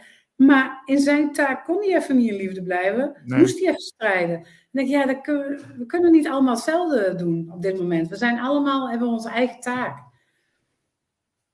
Ja, mooi gezegd. Ja, ja dat, dat, is een beetje de, ook, ook de denkfout die wij af en toe dan hebben. Hè? Dat, we, dat we denken van, ja, we gaan, we gaan iets bedenken waar iedereen dan, uh, dat moet iedereen doen. Dat, iedereen moet zich ja. daaraan houden en dan, uh, dan gaan we dat uh, soort van opleggen. En dan komt het allemaal goed. Maar uh, ja, dat kan niet. Ik denk ook dat soms hebben mensen ook een taak om iets neer te zetten. En uh, um, ja, maakt niet uit wat, maar iets heel belangrijks neer te zetten in deze tijd. En dat, dan kunnen ze alleen maar doen door uh, daar een enorme drijf te hebben. Tuurlijk kun je dan niet altijd in de zenhouding zijn. Maar en dan, dan, dan wordt er wel eens verweten dat mensen die iets heel belangrijks neerzetten, dat ze dan niet bij hun gevoel kunnen. Maar dat is hun taak op dat moment niet. En ja, die zijn er ook. Dat is ook goed. Alles is goed. Alles is goed zoals het is. Ik ben, ik ben wel even benieuwd. Uh, hoe ging dat met, uh, met die nieuwe liefde van jou? Hoe heb je die ontmoet? oh, kijk, ik snap wel. Uh... Ik, was er toch al, ik, was, ik zat al op zijsporen, hè? Ik was er al uitgezet. Ik hoorde nu toch niet meer in de show. nee, maar nu ben je toch eventjes weer terug, Josette. Sorry. ja, ik was, ik was daar helemaal niet mee bezig. Ik heb, uh, als je het dan hebt over een contract uh, met mijn, uh, de vader van mijn kinderen, een hele fijne tijd gehad, maar dat was klaar. En ik was daar absoluut niet mee bezig. Ik dacht, nou fijn, ik ga alleen verder en ik ga genieten. Nul. En ik kende hem al, al twee jaar. En in één, keer, in één keer was daar ruimte, in één keer herkende ik zijn ziel. In één keer herkende ik zijn ziel. Zo na twee jaar. En dan denk ik, ja, dan kun je, je kunt op Tinder, je kunt op alles. Maar eh, volgens mij ga je dit alleen maar ontmoeten als je er echt klaar voor bent. En als je, als je de zielsherkenning, als je de andere zijn ziel kunt zien. Maar dan moet je eerst goed bij je eigen ziel kunnen. Ja, er rijst me even een vraag op die misschien uh, niet uh, direct uh, hier iets, ja, daar heeft wel mee te maken. Maar wat ik dus vaak wel eens hoor, is dat mensen dus die net uit een relatie komen, dat ze dan direct weer in een nieuwe relatie stappen. Mm, mm. Gevoelsmatig zeg ik, dat, ja, dat is, als je een serieuze relatie wilt hebben met iemand, vind ik dat nogal vreemd. Mm -hmm. is, is, dat dan, zou, is dat dan eerder een gedrag van, of een gedraging van uh, dat je uh, iets uh, in jezelf door een ander ingevuld wil zien of zo. Of, of, ja. want, want, ik denk als je echt van, oprecht van iemand gehouden hebt, heel lang, dan kun je niet volgende week met een ander gaan. Dat kan niet, volgens mij. Nee, nee. maar er zijn ook natuurlijk wel weer verschillende variaties in. Je hebt, je hebt relaties die veel te lang duren, dus die eigenlijk al lang klaar was. En op dat moment is die, is, dat, is die afspraak, het contract is al lang voorbij, alleen het hobbelde nog door. Ja, dan ben je op dat moment misschien wel klaar voor een relatie. Er zijn natuurlijk ook mensen die niet alleen kunnen zijn en nog niet, niet, die nog wel opgevuld moeten worden door een ander en nog niet klaar zijn met een relatie. En dan zie je dat een soortgelijke relatie ontstaat.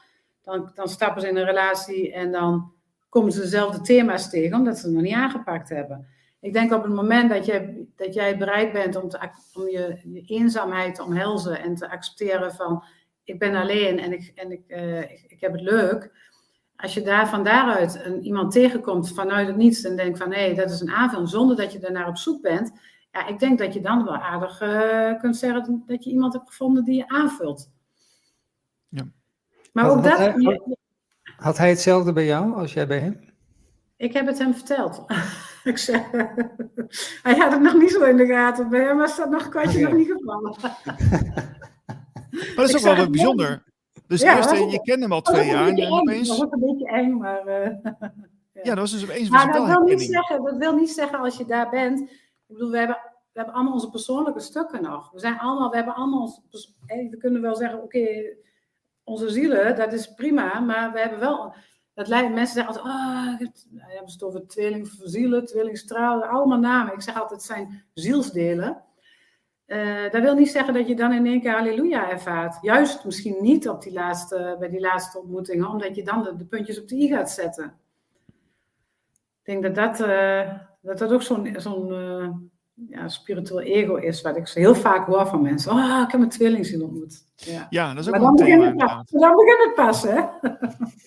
Ja, ja ik, ik vind het nog steeds. eh, ja, ik heb daar niet zoveel verstand van hoor. Van tweelingzielen en dat soort. eh, ik heb er wel eens Nee. iets over gelezen, maar. eh, wat, wat, wat, wat weet jij ervan, Josette? Is het, is het, eh, is het, is het meer ik- prietpraat of is, bestaat dat echt? Nee, ik denk dat we dat, dat we, er zijn heel veel zielsdelen. Zielsherkenningen. Dat zijn de, je herkent iemand dan wel, dan, dat, dat, heeft wel te maken met dat je op een, bepaald eh, bewustzijnsniveau dan zit. Hè. Je, je kunt al meer vanuit je hart leven. Dan ga je op dat, op, op dat hartsniveau ga je eh, een ander herkennen. En in het begin is dat vaak dat je dezelfde pijnstukken draagt. Want dan zeggen ze van, oh, ik heb een, eh, een tweelingziel ontmoet, maar dan zijn dus vaak herkenning van pijnstukken. Nou ja, dat zijn vaak lastige relaties, want dan is dat die pijnherkenning. Alleen de ander kan jouw pijn niet opvullen. Dus dat moet dan nog weer eerst doorleefd worden. Op het moment dat al die innerlijke pijnstukken eh, doorleefd zijn en, en, en, en je jezelf opvult, dan eh, ga je een andere zielsdeel ontmoeten. En dat is dan die aanvullende ziel. Maar ook daar, eh, ja, uiteindelijk zeggen ze, heeft iedereen een tweelingstraal. Maar totdat je daar bent, nou, ik kan nu wel zeggen, ik heb mijn tweelingstraal ontmoet. Ga ik op dit moment ook bijna vanuit. Maar goed, dat wil niet zeggen dat, dat, eh, dat er aan de andere kant eh, nog, nog iemand, eh, nog iets anders. Weet je, ook dat kunnen wij niet overzien. Nee. En ook daar moet je open in zijn. En daarin moet je ook zijn van, oké, dit, is, dit is heel mooi, dit pad. En ik leer ervan ook wat ik van, van wil leren. Hè? Ja, ja leren. precies. Ja. Oké. Hm. Ja, kunnen we een keer een uitzending over maken? Over, eh, misschien over de mensen die elkaar wel gevonden hebben als tweelingzielen. Dat zou, dat zou wel grappig zijn. Misschien zijn die er wel. Ja. Maar ik denk wel dat je dan ook nog heel veel spirituele ego's tegenkomt. Want het, Oké. valt, me- het valt mij op dat op het moment dat mensen eh, het spiritueel bewustzijnspad, een hoger bewustzijn krijgen, hè, breder bewustzijn, dan lopen vaak ook eh, eh, relaties, contracten binnen relaties af, omdat de een al daarmee bezig is, de ander nog niet. En hè, daar gaat heel vaak, is dat een reden dat mensen uit elkaar gaan. En dan is, komt diegene die al in, in die bewustzijnsgroei zit, die komt iemand tegen die dat ook doet. Ja, en dan lijkt het van, oh, nou, ik heb mijn tweelingziel ontmoet. Ja, maar dat Ik is gewoon een nog hoog bewustzijn. Ja, dan heb je gewoon bij iemand tegenkomen die ook een iets ander bewustzijn heeft. En dat voelt gewoon heel goed. Maar ook daar zitten gewoon nog persoonlijkheidsstukken en ego-stukken. Ja, dus het is Dat is eigenlijk gewoon eh, mooi. een beetje een fancy term van, nou, nou oké. Ja, ja, ik vind, ik, ik, ik vind dat ik. eh, ik heb heel veel, heel veel mensen echt gehoord van. Ik, ik, ik, krijg al, ik moet er soms wel een beetje om lachen. Mensen zeggen, oh, ik heb een tweelingziel ontmoet. Ik, oh ja, we spreken elkaar voor een paar jaar. wacht maar, jongen, wacht maar. Ja, ja. Maar het is natuurlijk mooi om met iemand een reis te maken en elkaar te herkennen. En zeker als je al in een hoger bewustzijn zit, dat je denkt van wauw, het is toch niks mooier dat je daar samen over kunt praten al. Dat is, dat is heel fijn. Absoluut. Ja. Eh, is onze Ja. volgende gast al aanwezig? Want eh, dat zou zo eens kunnen. We gaan zo met eh, Vrij Friesland in gesprek. Die hebben een penning uitgebracht. En eh, dat staat ook in de andere krant deze week. Ken je de andere krant, eh Josette? Ja, ik ben toevallig eh, net lid geworden. Ja, Ja. heel goed. Ja. Ja. Leuk. Ja, ook, ik Ja, heb ook nog een ander dingetje. Vrij Friesland had ook een. eh, een eh, ja, ja, nou, we, gaan zo, we gaan zo horen wat het nou precies is, dat Vrij Friesland. Maar die, die hebben ook een soort eh, liefdegroep. Dus die hebben ook een groep mensen die gaan zich bezighouden met liefde.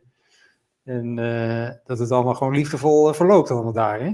Dus eh, Ja, dat dat is grappig. interessant. interessant. Ja. Maar ze is nog niet aanwezig, dus eh, wat heb je Ik, wat heb hier, je, eh, ik had nog even iets van de andere krant. Eh, ja, Josette weet het waarschijnlijk ook al. Ze hebben een soort stickeractie nou, hè? Nee, ik heb hem nog niet. Is die van afgelopen zaterdag? Ja, die is vanaf afgelopen zaterdag. Ja, nee, En, ik heb hem net vorige week aangemeld. Ik had gehoopt dat ik hem zaterdag al had, maar ik, ik heb hem nog niet. Dus dat zal dan de komende week beginnen, denk ik. Ja, ja het, is, eh, het is een actie om eh, ja, toch meer mensen te stimuleren om eh, cashgeld te betalen. Met cashgeld Ja. betalen. En Dan kun je zo'n stickertje kun je dus gewoon eh, ja, op, op de muntjes plakken. Dat is een beetje het idee, als een soort statement. En uh, nou ja, Oh, oké. vind ik wel leuk bedacht. Dus, eh, dus om toch een beetje meer, ja, dat, dat, dat de, de CBDC die er nu eh, wordt uitgerold, de, de digitale euro zeg maar, om dat toch een beetje onder de aandacht te brengen. Dus eh, dat is een beetje het idee. Hmm. Oké. En ja, het is zometeen Vrij Friesland. Ik zal even het artikel er ook even bijpakken. Ik heb de krant er maar bijgepakt. Ehm, maar ja, Friesland is er nog niet. Ja, die is, nog, die is er wel hoor. Die is er wel. Oh, nu wel. Oké. Haar geluid staat alleen uit. Ik weet niet waarom. Ah, Oké. De Vrieling gaan we het over hebben. Leuk, eh, onge, lekker ongeorganiseerd vandaag. Heerlijk. Ja, Josette, je mag blijven zitten, maar dat hoeft niet. Maar, eh, Je mag blijven zitten, Josette, hoor. Je, je hoeft niet weg. Je mag me wel, je mag me er wel uitgooien hoor. Oké. Dank voor je tijd. podium, ik heb mijn podium wel gehad nu. Doei, doei. Doeg. Doei, doei. Nou, ik heb het artikeltje erbij gepakt. Ik weet niet of ze het ook al op de site hebben staan. Dan, dan zou je het misschien nog kunnen laten zien, maar ik denk het niet. Anders dan laat ik het even in beeld zien. Hallo Pie. Hey, goedemiddag. Kan je mij horen? Zeker. Ja, zeker. super mooi. Ja, de instellingen van de microfoon stonden verkeerd. Dus, uh, Ja, ik, ik, moet wel denken aan Mickey Mouse nu ik je zie hoor. Mickey Mouse? Het ziet er toch zo uit. ja, sorry. Nou, het is niet zo'n hele elegante, maar hij werkt wel. Oké. Ja. Ja, ik, heb jou natuurlijk geïnterviewd een tijdje geleden eh, over Vrij Friesland bij de Nieuwe Tijd podcast. En Ja. eh, je bent een van de initiatiefnemers. En eh, deze week staat, ja, staat Vrij Friesland in de andere krant. Ik heb het artikel even bijgepakt. Kunnen mensen ook gelijk even zien. Ja. Met de munt. Met de, oh ja, hier sta ik in beeld. Ja. Zie je zo? Is het goed te zien zo? De Vrieling, ja, ja. De Vrieling. Ja. Staat voor vrij mens. Vrijmens, ja, want eh, Friesland heeft natuurlijk een, best wel een geschiedenis met, eh, met het onafhankelijk eh, zijn. Eh, wil je vertellen hoe dat is ontstaan, de, de Vrieling? Hoe deze munt is ontstaan. Ehm, nou, toen wij voor het eerst als, als geldgroep, of toen de geldgroep voor het eerst bij elkaar kwam, was het heel duidelijk dat veel mensen wat hebben met edelmetalen, met zilver en goud en met name zilver. En, en heel veel mensen zien ook wel dat er dingen eh, ja, aan het gebeuren zijn in het systeem die eh, niet per se helpend zijn voor ons. En ehm, ja, wij hadden zoiets van een zilveren munt, dat zou, toch, dat zou echt fantastisch zijn. Naast het feit dat we andere dingen aan het doen zijn om met elkaar te kunnen uitwisselen. Maar eh, in de, de geschiedenis kun je ook terugzien dat als geldsystemen vallen of als er dingen misgaan, dat mensen teruggrijpen naar zilver en zo. Dus er is ook een heel groot sentiment rond zilver. Mensen willen graag zilver. En eh, voor ons is natuurlijk het verhaal achter de Vrielingen. De, de, hebben altijd eh, veel munten gehad. eh, zijn lange tijd ook inderdaad vrij en autonoom enzovoort geweest. En het verhaal is gewoon ehm, heel belangrijk voor ons. De vrijheid, ja, de wereld weer Ja. inbrengen, zeg maar. Maar het is, is meer een statement volgens mij, hè, dit? Ja, het is een statement. Het is natuurlijk wel een zilveren munt. Er zit gewoon eh, de waarde van het zilver in, zoals bij andere munten die je kunt kopen. Alleen eh, wij hebben een kleine oplage natuurlijk vergeleken met bijvoorbeeld een Maple Leaf of zo. Dus onze productiekosten zijn natuurlijk eh, vrij hoog. En omdat we er niet een euro of een dollar op kunnen zetten, betalen we ook BTW en zo. Dus de munt is wel wat dat betreft ietsje duurder dan sommige andere munten. Al, al is de, de tijd nu wel, eh, wel heel, heel gu- gunstig voor ons, want de meeste munten zijn wel lastiger te krijgen inmiddels. Maar het gaat ons om het statement dat wij in de, in de fysieke wereld weer iets neerzetten. En eh, nou ja, over duizend jaar kunnen ze onze munten terugvinden. En iets leren over de tijd van nu, zeg maar. Ja, ja inderdaad. Want eh, jullie hebben allemaal verschillende werkgroepen bij Vrij Friesland. En ook de werkgroep die is bezig met liefde, hè? Ja, klopt. Ja, we Eh, hadden het vorige keer ook even over, hè? Ja. Ja, ik vind het wel heel bijzonder. Ik, ik, vind, het, eh, ik vind het wel heel gaaf. Maar eh, kun je er iets over vertellen, wat, wat daarin gebeurt? Nou, heel eerlijk ben ik daar niet zo inhoudelijk bij betrokken. Men, men eh, is voor, voor zover mij bekend vooral bezig met, met elkaar uit, uitwisselen. Hoe ze meer liefde de wereld in kunnen brengen. Maar op dit moment staan ze op het punt dat ze ook dingen gaan organiseren. Waaronder filmavonden en dingen voor de gemeenschap. Maar dat zal zich nog gaan vormen. Die groep is eh, nog niet zo lang bezig als de meeste andere groepen. Oké. Maar het is echt, ja, dat, dat soort groepen zijn een hele mooie aanvulling op de groepen die concreet weer uh, eco, eco-bouwen aan het doen zijn of uh, munten aan het uitbrengen zijn en zo. Ja, en het liefde is natuurlijk vind, de basis van alles. Hè? Dus, uh, ja. ja, nee, zeker. Wat ik wel leuk vind is dat ja, Vrij Friesland is natuurlijk een initiatief. Je ziet Society 4.0. En zo heb je nog wel meerdere van dat soort activiteiten. En, ja. maar het is allemaal zo lekker decentraal. Hè? je ziet, lijkt wel of al die um, verschillende locaties of, of, of uh, provincies, zeg maar, die mhm. hebben zo hun eigen uh, ja, uh, activistische, of nou misschien laten we zeggen, toewerken naar een nieuwe wereldgroepering um, gevormd. En, en dat gaat gewoon lekker op, op, op, ja, op, een, op een eigen manier. Dat vind ik wel leuk. Ja, en ik denk ook dat mensen in de verschillende gedeeltes van Nederland ook verschillend zijn. Dus als je gemeenschap wilt gaan vormen, ja, dat, dat kan je niet ineens over een heel land als Nederland uh, uitrollen. Dat, dat, moet je in een kleinere kring doen. Um, en het is wel zo dat je zegt uh, Society 4, Vrij Friesland is als coöperatie ook aangesloten bij Society 4. Dus uh, die coöperaties staan ook wel met elkaar in verbinding. En eigenlijk iedereen in alle netwerken die je tegenkomt, is heel positief qua uitwisseling, wij gaan op 11 eh, januari een presentatie houden voor initiatieven, omdat we steeds vragen krijgen van nou, hoe doen jullie dat? Wat zijn jullie uh, tips en trucs en zo? En uh, ja, de uitwisseling en, en met elkaar en elkaar helpen, dat, dat merk je overal, is, is er gewoon. Dat is heel fijn. Ja. ja. Oké. Okay. Pi, wat is dat voor? Is dat een uh, authentieke Friese naam? Of, nee, maar ik gebruik hem wel sinds ik een één of twee jaar oud ben. Dus mijn, mijn familie en vrienden hebben me altijd zo genoemd. En uh, dat heb ik doorgevoerd. Ja. Oké, okay, het heeft niks met het getal pi te maken dus. Nou, zo gebruikte ik het vroeger wel. Een mooie pi-tekentje en zo. ja. Um, en want jullie hebben dus binnenkort dus een, een activiteit. Um, is, is, um, zijn het ook echt ook samenkomsten of wordt ook veel online gedaan? Nee, wij komen, de, de mensen die bezig zijn in de werkgroepen en zo komen over het algemeen fysiek bij elkaar. Omdat we dat heel, heel belangrijk vinden. En dit, dit online ook, het is natuurlijk fantastisch dat we dit allemaal hebben en dat we dit kunnen gebruiken, die techniek. Maar het fysiek bij elkaar zijn, dat brengt ook weer andere dingen op gang. En meer uitwisseling. En dat, dat vinden wij heel belangrijk. En af en toe, als het even snel moet en je moet mensen spreken en zo, dan, uh, dan doen we dat online. Ja, want dat is niet per se een, een, een hiërarchische structuur of zo hè, bij jullie. Het is meer een soort, soort verzameling van werkgroepen. Een verzameling van werkgroepen. De werkgroepen hebben allemaal natuurlijk wel uh, een voorzitter. Wij noemen dat een oorjaaier. En een stiepe. Wat, wat, wat, wat, hoe ging dat? Een oorjouwer? Oorjaaier. Aanjager, zeg maar. Ja, ja. Ik zit je te plagen nu, hè? ja. Maar straks, voorzitter, straks spreken we allemaal Fries, hoor, in Nederland. Spreken we allemaal Fries. Want, ja, Zeker. Ja.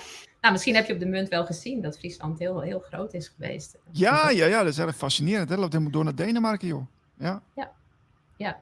Dat maar inderdaad, we hebben een platte structuur. We hebben ook elke week bijeenkomsten voor de mensen die daar dan zin in hebben. En dat, dat zullen we vanaf januari ook verder uit gaan bouwen. En dan gaan we ook, als het goed is, met z'n allen eten. En uh, op dezelfde dag, elke week, zullen workshops gehouden worden. Dus dat breidt zich steeds meer uit ja, het fysiek bij elkaar komen en elkaar ontmoeten is ontzettend belangrijk als je wilt bouwen. Ja. ja. Heb je iets met uh, eh, 5D en met de energie en, en, en, de spirituele ontwaking en dat soort dingen? ja, ik denk ook eigenlijk dat we dat allemaal hebben. Um, ik heb daar best wel veel in gezeten de afgelopen twintig jaar in, in dat soort bewegingen en veel dingen gedaan. Ik ben ook spiritueel healer geworden ooit zo'n twintig jaar geleden in, in Italië. En ja, ik heb daar wat mee, maar voor mij is het heel belangrijk om, om concreet dingen in de wereld neer te zetten en daar mijn volle bewustzijn uh, bij te gebruiken. En niet te hopen op van we gaan wel een keer naar 5D of iemand gaat ons wel redden. Het is wel echt hier, in het hier en nu, in het echt waar we het moeten doen. En dan is het een training voor ons, denk ik, om uh, wanneer we elkaar tegenkomen als mens, en misschien kom je wel eens dingen tegen die je minder leuk vindt, om daar ook bij in verbinding te blijven en dan met elkaar uh, verder te gaan. En dat is best wel, uh, dat zie je ook in zo'n beweging, soms best wel moeilijk. Maar het is wel het werk wat we te doen hebben, denk ik. Ja, ik, ik, ik zag uh, onlangs een artikel, ik denk dat het alweer een tijdje terug is hoor, van Riepke Zelmaker. Die ken je vast ook wel. En die was toch behoorlijk kritisch over Vrij Friesland. Die zag het toch, toch een beetje een soort ja, hippie-achtige zweeftevenbende. Ik weet, niet, ik weet niet of dat de woorden zijn, maar ik geef er even woorden aan. Van ja, ze gaan uh, allemaal naar de 5D en mediteren en zo. En ja. ja. wat, wat, wat, wat vind je ervan? Nou, er zijn best wel veel mensen die aansluiten die daar veel mee hebben. we hebben ook een meditatiegroep. Dat is allemaal facultatief. Wie dat leuk vindt, doet eraan mee. Wie dat niks vindt, doet dat niet. Maakt allemaal niet uit. Maar er zijn inderdaad best wel veel mensen die met dat soort zaken veel hebben. En dat, maar dat zijn ook de mensen die um, het eerste zagen in de coronatijd, over het algemeen, hè, even, even generaliserend, wat er aan de hand was. Of dat, die, dat zijn ook de mensen die op het spoor zaten van, ja, maar we kunnen wel ergens tegen ingaan en het is allemaal wel erg. Maar wat kunnen we zelf doen? We moeten eigenlijk vanuit onze eigen kracht creëren. En nou ja, de hippie movement heeft ook voor maatschappelijke verandering uh, gezorgd. Hè? Dus het begint ergens. En je ziet in, in onze beweging dat dat soort uh, interesses wel heel veel uh, voorkomt. En het is ook dus... belangrijk, want voor ons is bewustzijn is, is ook de basis van, van iets nieuws bouwen. Je wilt niet in dezelfde val trappen als wat er nu in de systemen te zien is. En dat betekent, wat mij betreft, ook goed naar onze eigen stukken kijken. Denk je dat mensen die dat uh, veroordelen en toch nog een beetje in de boosheid zitten in, in die fase? Ja, ik denk in sommige gevallen wel, denk ik. Ja. En wat Riepke betreft, ja, weet je, dat soort mensen moeten maar roepen wat ze willen. En op het moment dat je nog niet met elkaar in verbinding bent geweest en, uh, en gesproken hebt over wat er echt gebeurt, dan je kunt daar ook mijns inziens niet over oordelen.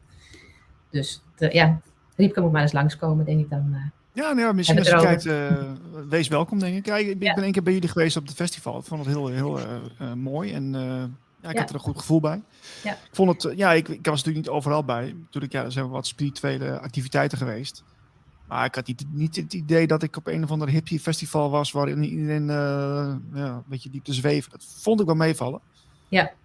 Nee, goed, ja, kijk, als je, ja, je, natuurlijk waren ze er wel. Dus als je dan daar de aandacht aan vest, op vestigt en je gaat daar die ja. kritische blik op uh, vestigen. Ja, dat, ja goed, goed, Er is altijd wel wat uh, aan commentaar te leveren. Hè? Dat, is, dat is nooit zo moeilijk, denk ik. Nee. Maar, dit, maar goed, daar, ik onthoud me daar liever van. Ik bedoel, we hoeven alleen maar te bouwen. We hoeven alleen maar mooie dingen te maken. En het leuk met elkaar te hebben. En de rest, uh, daar trek ik me niet zoveel van aan. Toch, uh, toch dat met elkaar in verbinding blijven. Dat, uh, ja, ja, we hadden het net over energetische koorden, die je ook nog overal hebt uit, uitstaan bij ja. Jan en Alleman. En dat is de bedoeling dat je daar toch een beetje afscheid van neemt. Ja. Van die mensen ook, want die, ja, je hebt elkaar niks meer te bieden en te vertellen. Mm -hmm. Dus om dan, om dan maar in verbinding te blijven, om in verbinding te blijven, ja. Nou kijk, wij zijn in de coöperatie natuurlijk met z'n allen aan het bouwen. En als we daarin uh, elkaar tegenkomen, in de zin van uh, iets tegenkomen wat we niet leuk vinden, dan uh, kunnen we wegrennen. Of we kunnen bij elkaar blijven en zeggen van oké, okay, wat is jouw perspectief? Wat is mijn perspectief? Uh, wat is hier aan de hand en hoe gaan we verder? Wij kunnen als coöperatie bijvoorbeeld niet mensen eruit zetten. Althans, dat vinden wij. Ik bedoel, je kan niet een gemeenschap bouwen en, en ondertussen een omgeving hebben waarin bij wijze van spreken iemand er zomaar uitgezet zou kunnen worden. En dat bedoel Beetje zoals, uh, zoals D66 democratie ziet, zeg maar. Dat je zegt ja. van, nou, wij, wij, wij, zijn wij vinden dat democratie belangrijk is, maar dan mogen jullie niet meedoen. Ja, precies. Nou, ik denk dat dat niet kan. Ik denk daarmee, eh, dat je daarmee in verbinding moet blijven. En dan is het op zich prima als je met elkaar praat en zegt van, ja, nee, dat past echt niet. Ik ga weg. Dat is prima. Maar um, dat bedoel ik met in verbinding blijven. Je hoeft niet in verbinding te blijven met, uh, met Jan en alle man uit je verleden die je misschien niet meer wilt zien. Nee, maar heb je dan ook iemand in, in, de, in de club die zeg maar uh, de rol op zich neemt als mediator? Of uh, weet je die rol? Um, ja, we zijn met een aantal mensen uh, voeren we wel gesprekken met groepen en met mensen om soms het over dingen te hebben. Ja. En daar zitten ook wel mensen met expertise over hoe je dat soort dingen vanuit hun vakgebied, ja, hoe je dat doet. Dus we, ja, we, we besteden daar best veel aandacht aan. Ja. ja, want het zou zonde zijn, hè? want juist in deze cruciale tijd, dat je, dat je dan op een of andere manier je laat uitspelen door, een, uh, door bepaalde issues. Ja. Kijk, als het, nou, als het nou persoonlijke dingen zijn, dan moet je het echt naar jezelf toe. Ik denk dat je over het algemeen altijd wel terug naar jezelf moet gaan en uh, veel moet reflecteren. Maar ja, er kunnen natuurlijk andere omstandigheden zijn. Maar uh, Ja, het is, het is denk ik, ik zeg het ook wel eens vaker, het is, de, deze tijd is te belangrijk om uh, in ego-strijd te belanden, weet je wel, over, uh, nou ja... Ja, deze tijd noopt, ja, deze tijd noopt ons tot dat gaan bekijken en opruimen, denk ik. En dat is wat dat betreft overstijgen. En wat dat betreft uh, vind ik het wel een prachtige tijd. We moeten, als we verder willen en we willen iets moois maken, dan moeten we nu wel. Denk ik. Ja, Radio Gletscher heeft ook een, eigenlijk een heel uniek concept. Dat is Berlijn en ik. Die zijn degene dan die dat, dit een beetje bedacht hebben. Maar we laten ook gewoon iedereen doen wat ze doen. Dus uh, als je een leuk programma hebt dat wat ermee te maken heeft. Uh, en je, je kunt iets leveren wat aansluit. Uh, ja, dan ben je vrij in wat je doet. Dus door grappig, ja. programmamakers die vragen ook wel eens van... mag, ik, mag ik daar een programma over maken? Ik zeg, ja, waarom, waarom niet? Het is jouw programma, dus doe ja. het gewoon. Ja. Ja, dat is echt weer het oude denken van... Uh, er moet iemand zijn uh, die uh, dat gaat bepalen of zo. Ja, ja, precies. Ja, je wilt in deze tijd inderdaad dat mensen hun eigen initiatieven nemen en hun kracht pakken. En wat je zegt van, we hebben vorig jaar, voordat de groepen bestonden, überhaupt ook gezegd van het is wel heel cruciaal dat we dat gaan ondersteunen. Want je ziet het in heel veel plekken gebeuren, op heel veel plekken gebeuren, dat dingen heel leuk gaan en ineens dondert het ineen. Omdat er ruzie in de tent is. En dat ja, dat zijn dingen die we nu moeten gaan leren. Wij moeten leren onszelf organiseren en onszelf te hanteren. En inderdaad, energetische koorden, zaken opruimen, dat is allemaal heel belangrijk. Ja, wat je ook veel ziet, tenminste dat, is, dat merk ik in mijn omgeving, dat, uh, dat dan heb je uh, clubjes opgericht hè, die, die samenkomen omdat ze in de coronatijd uh, bezorgd waren. En dan zie je nu, nu is het even rustig. Hè? Dus dan zie je nu opeens van, hé, hey, de appgroepjes zijn opeens heel rustig geworden en niemand...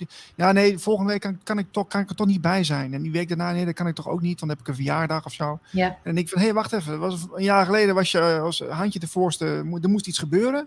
En nu is het allemaal niet zo nodig en dan zijn we er niet meer. Ja, bijzonder hè?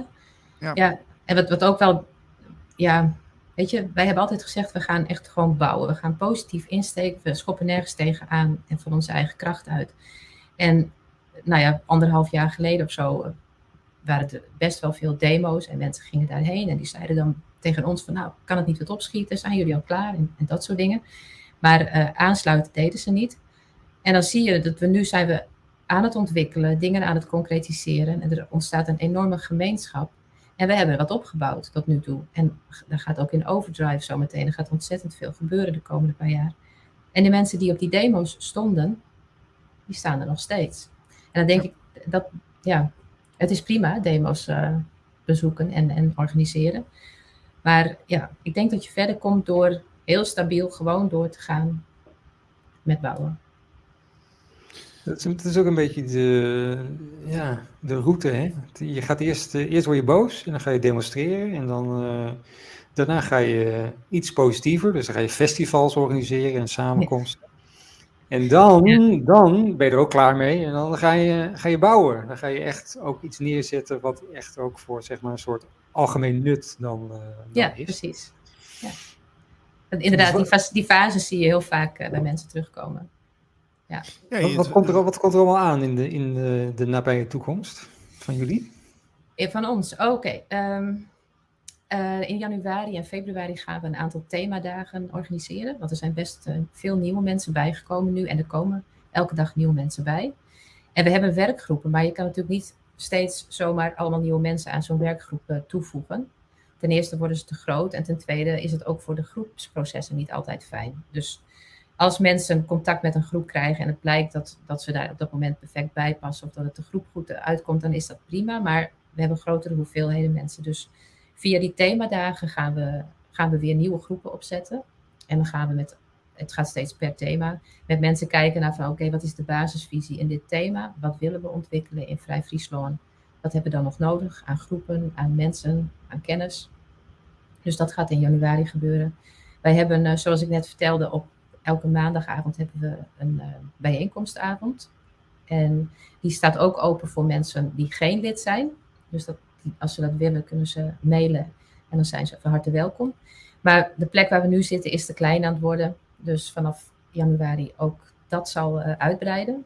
En dan is het niet alleen meer bijeenkomsten, maar dat zal een plek worden waar ook gegeten kan worden, waar workshops plaatsvinden en waar steeds meer reuring ontstaat. Nu is dat dan in januari één dag en wellicht gaan we naar meerdere dagen in de week. Dan- Leuk zeg. Ja. Ja, we, we hebben met eh, Radio Gletscher hebben wij eh, eh, begin volgend jaar in januari ook een soort samenkomst. Dus je bent bij uitge- uitgenodigd bij deze, als je het leuk vindt. Leuk, ja. Ehm, en het, zou ook leuk zijn misschien als, we, als jullie bij Vrij Friesland ook weer een keer ehm, een festival doen, dat wij er dan ook zijn als Radio Gletscher. Ja. Dat, dat- dus kunnen we dat alvast even aftikken, Dat want dat lijkt me wel leuk. Nou, dat lijkt me ook heel leuk. We hebben eh, nog niet definitief besloten of we weer een festival doen. Maar ik geloof, eh, ik hoorde vorige week eh, wat geluiden uit de gemeenschap dat men dat wel wil. Dat sommigen het echt wel willen. Ehm, en als we het doen, dan doen we het dit keer in mei of juni en niet in augustus. Oké. Gezien onze bijeenkomsten moest het dit keer in augustus en het was perfect. Het was een prachtige dag. Maar we hebben nu gezegd, nou, dan gaan we het voor de vakanties. Dus kan je daar alvast rekening mee houden. Ja, nee, is goed. Ik kan er niet van dat het gelijk volgende week alvast hoor. Nee, hè?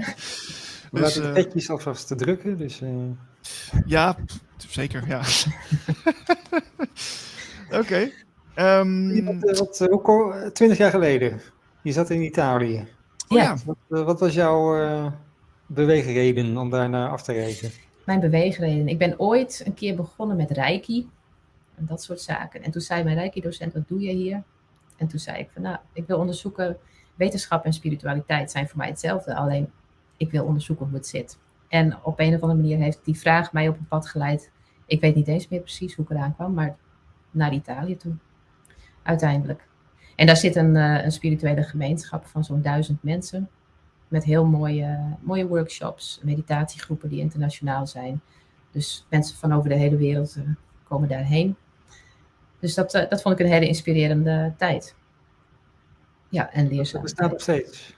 Ja, ja, dat bestaat sinds 1976. En nog steeds, ja. Z- Zijn ze in Italië een, een beetje bezig met spiritualiteit? Eh, is, als je het vergelijkt met Nederland, hoe, hoe moeten we dat eens zien? Nou, daar kan ik eigenlijk geen inschatting, want ik ben alleen daar geweest. En de rest van Italië ken ik niet goed. Dus Hm. dat weet ik niet. Ik denk dat je het overal eh, hebt. Je hebt overal een bepaalde, bepaald percentage mensen dat zich bewuster is van dingen en daar ook mee aan de slag wil. Dus ik, ik weet het niet in Italië precies. Nee, wat, wat we wel weten is dat bijvoorbeeld het, dat er verschil is tussen Nederland en België. Ik vind Nederland echt wel een, een soort gidsland met, met, met heel veel initiatieven, ook wel met heel veel aandacht voor spiritualiteit. Als je ziet wat wij Ja. in de afgelopen anderhalf jaar eh, aan gasten gehad hebben, die we gewoon zo hup, eh, konden aanroepen aan, als het ware. Mensen die, eh, die- die ontzettend veel kennis in zich droegen. En als je het dan vergelijkt met België, denk ik van wow, dat is wel een verschilletje hoor. Ja, hè? ja dat, ik denk dat ik het al met je eens ben, maar ik weet van België ook niet heel veel. Maar in Nederland wordt altijd wel van gezegd, hier gebeurt heel veel op dat gebied. Ja. En aan de andere kant gebeurt op het, op het tegenovergestelde gebied, de donkere schaduwkanten, ook heel veel. Ja, maar dat, dat, dat, is, dat is ook wel weer te verklaren. Want juist Ja. omdat, dan is het ook nodig blijkbaar, omdat er Ja. zoveel activiteit is. Exact. Dat houdt elkaar dan een beetje in balans. Ja. Het- Ja. Zie jij ook eh, Friesland als een, ehm, als, als een provincie of een gebied wat, wat energetisch eh, eh, st- hoog, hoog eh, is, zeg maar? Een hoog, hoog energetisch gehalte? Zie je dat zo? ja, ik denk het wel. We horen ook vanaf, vanuit allerlei hoeken van ja, in, in Friesland daar is het heel actief en daar, daar, ja, daar gebeurt nu van alles. En dat loopt voor. En, dat, en ik kan natuurlijk niet overal eh, achter de schermen kijken. En ik weet niet of het klopt, maar zo voelt het wel. Wij hebben ook als Friesen een hele sterke verbinding met onze grond en met water. En we hebben ook al heel vroeg geleerd om het water eh, in beheer te hebben. Bijvoorbeeld in 1000, 1100 na Christus. Ik weet niet de, de details ervan, maar hadden de Friesen het water onder controle. En ze moesten wel in verbinding staan met de natuur om ja, door, die, door die natuur heen te, te komen, zeg maar. Dus ik denk wel dat hier, ehm, ja, dat mensen hier wel in die zin, je hebt het over spiritualiteit, maar ik denk ook dat de verbinding met de natuur en die oerverbinding heel belangrijk daarbij is. En dat die hier wel eens eh, sterker kan zijn dan elders. Ja, dat kan me voorstellen, ja. ja. Alright. Is dat, is dat Ehm, waar, de Friesen mee eh, worden opgevoed? Of misschien eh, op school? Of eh, niet? Nee, dat denk ik niet. Niet met woorden van wij doen dit en wij zijn zo. Nee, nee denk het niet. Oké, ja. Ja, we zijn heel erg down to earth natuurlijk wel. Dus eh, Wat zei je? ze zijn wel down to earth. Het is wel heel Ja. erg, eh, ja, En, tegelijk, ja, en tegelijkertijd ook spiritueel. eh, en ik denk dat dat ook bij elkaar hoort, heel, heel eerlijk. Dan ga ik een hele vervelende vraag stellen. Gaan, eh, ga, ga- gaat, gaat, gaan de mensen in Friesland over, eh, over 100 jaar nog Fries spreken, denk je? In de nieuwe tijd? Ehm, dat hangt er vanaf hoeveel mensen hier van buiten nog komen wonen. er zijn grote plannen voor een heleboel huizen hier, waardoor eh, echt heel veel mensen ook uit de Randstad deze kant op zouden kunnen komen. En dan krijg je dat het, denk ik, dat de taal wel verwatert. Maar wat we nu merken, en dat is wel heel grappig, is dat er steeds meer Fries gesproken wordt. Dat is heel grappig. Ik zit in de stad en eh, voorheen in supermarkten, jongere mensen die er achter de kassa zitten, helemaal niks. Nu is het heel vaak Fries. En het is enorm in opkomst. Dus dat is een hele grappige ontwikkeling. Nou, dat, dat, voor mij dat, is dat gewoon heel bewust iets. Het is gewoon weer teruggaan naar, naar eh, oude waarden, zeg maar. Hè? Dat, je, dat je weer, weer ergens weer eh, geworteld wilt zijn, denk ik. Ehm, en en, en eh, dat dat de meest logische stap is, denk ik. Ja, en ik vind het zelf ook wel. ehm Fries is mijn moedertaal. En als ik het spreek, merk ik ook dat dat raakt ook dieper. Ja. Het zit dieper. En dat zal voor meer mensen die hier wonen zo zijn dat het hun moedertaal is. Dus eh, ja. Ja, maar die taal, die, de klank die je van kinds af aan al geleerd hebt, eh, wat dichtbij jou staat, heeft een andere betekenis dan alleen maar woorden. Hè? Het, is, het, is, het is emotie wat erin zit. Precies, ja. Ja, en daarom vind ik het een hele mooie ontwikkeling om te merken dat er steeds meer Fries gesproken wordt. En er sluiten ook mensen bij, eh, bij de coöperatie en bij ons netwerk aan die eh, van, van buiten komen. En die gewoon op Friese les gaan. En dat, Oh, dat soort dingen, nou, dat, is, dat, is, dat is gewoon fantastisch. Is het ook eh, dat je, je wil je een beetje afscheiden van de rest, dus dan heb je een soort aparte club waar je dan toe behoort. Dat heb je, en je hebt samen die taal, dus je, hebt, je hoort bij die, eh Ja, deze gemeenschap dan. ja, dat is waar. Dat, is- dat is gevoelsmatig ook eh, helpend. Want ik, ik, zat, ik zat, wat we vorige week hadden we Anthony Michels in de uitzending. En toen daar ging het over zijn, eh, zijn geld, de Florijn. Ja. En had een nieuwe, nieuwe biljetten had hij eh, en zo. En toen zei hij van, ja, ik word aan iedereen, iedereen maakt eigenlijk de grap van, dan kom je zelf op je biljet te staan of eh, Klaus Schwab. en toen moesten we daar al heel hard eh, om lachen. En eh, toen dacht ik wel van, ja, maar er zijn heel veel mensen die die grap gewoon niet snappen. Nee, nee Die- inderdaad. die snappen dat gewoon niet. Wat, is daar, hè, wat is daar En grappig gek. aan? En voor ons is dat Ja. hartstikke gek, want je zit daar zo in. Maar ja, en toen dacht ik wel van ja, we zitten wel in een soort hele. Ja, ik wil het bubbel, het woord bubbel eigenlijk niet gebruiken, maar we zitten wel in een soort eh, Ja. bewustzijnsbubbel. Dat we, dat we toch een eigen, bijna eigen vocabulaire hebben. Ja, dat klopt, dat klopt. Maar goed, die bubbel wordt wel steeds groter. En gelukkig kunnen we die bubbel nu creëren. Want het zijn ontzettend veel mensen die al heel lang bezig zijn met van alles en nog wat op dit, op dit gebied. Van wat is er in de wereld aan de hand? Wat klopt er wel en niet? Wat is bewustzijn? Eh, hoe ga ik om met spiritualiteit? Al die, al die zaken. En dat was natuurlijk voorheen een beetje raar en een beetje apart. Maar nu kom je allemaal mensen tegen die daar ook over nadenken en ook mee bezig zijn. En die bubbel is wel, eh, is wel aan het groeien. Maar je, je hebt gelijk, het is een soort bubbel nu nog. Je ziet wel de, dat er steeds meer connecties komen met eh, wat we dan maar even makkelijk mainstream noemen. Ja, als je dingen gaat ontwikkelen, zoals een energiecoöperatie enzovoort, ja, dan kom je ook in verbinding met anderen die hier ja, die helemaal niet in die bubbel zitten. En dat is ook goed. Maar het is voor ons wel belangrijk om te blijven staan voor waar we, staan, waar we voor staan.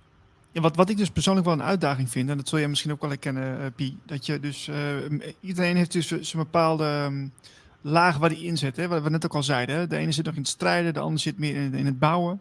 En dat je, dat je soms mensen tegenkomt die, die, die, die hebben dan, ja, eh, zogenaamd dan net, net het, het, eh, het, het, het, eh, het gouden ei ontdekt. Oh, ja, dus het komt door Klaus Schwab. Die gaat dan helemaal los en die gaan, helemaal, en die, die, die gaan een uur doorpraten over wat ze ontdekt hebben en, en de hele rabbit hole in. En dan, en dan, dan denk ik van, oh mijn god, ja, maar je kunt ook moeilijk zeggen van, ja, ik heb geen zin of zo. Hoe, hoe, hoe gaan jullie ermee om bij Vrij Friesland? Want dat, dat gebeurt vast ook wel. Ja, en mensen vinden natuurlijk ook datgene wat ze zelf uitgevonden hebben altijd het. De waarheid, ja. de waarheid. Nou, ik moet zeggen, daar hebben we, dat soort dingen hebben we niet zoveel last van. Iedereen zit wel een beetje eh, iedereen die aansluit zit wel een beetje op dezelfde lijn. Of de laatste tijd zijn er ook wel mensen die inderdaad minder weten van het WEF-verhaal en zo. Ja, die kan je daar rustig over bijpraten. Maar kijk, er is een volgende, een andere laag.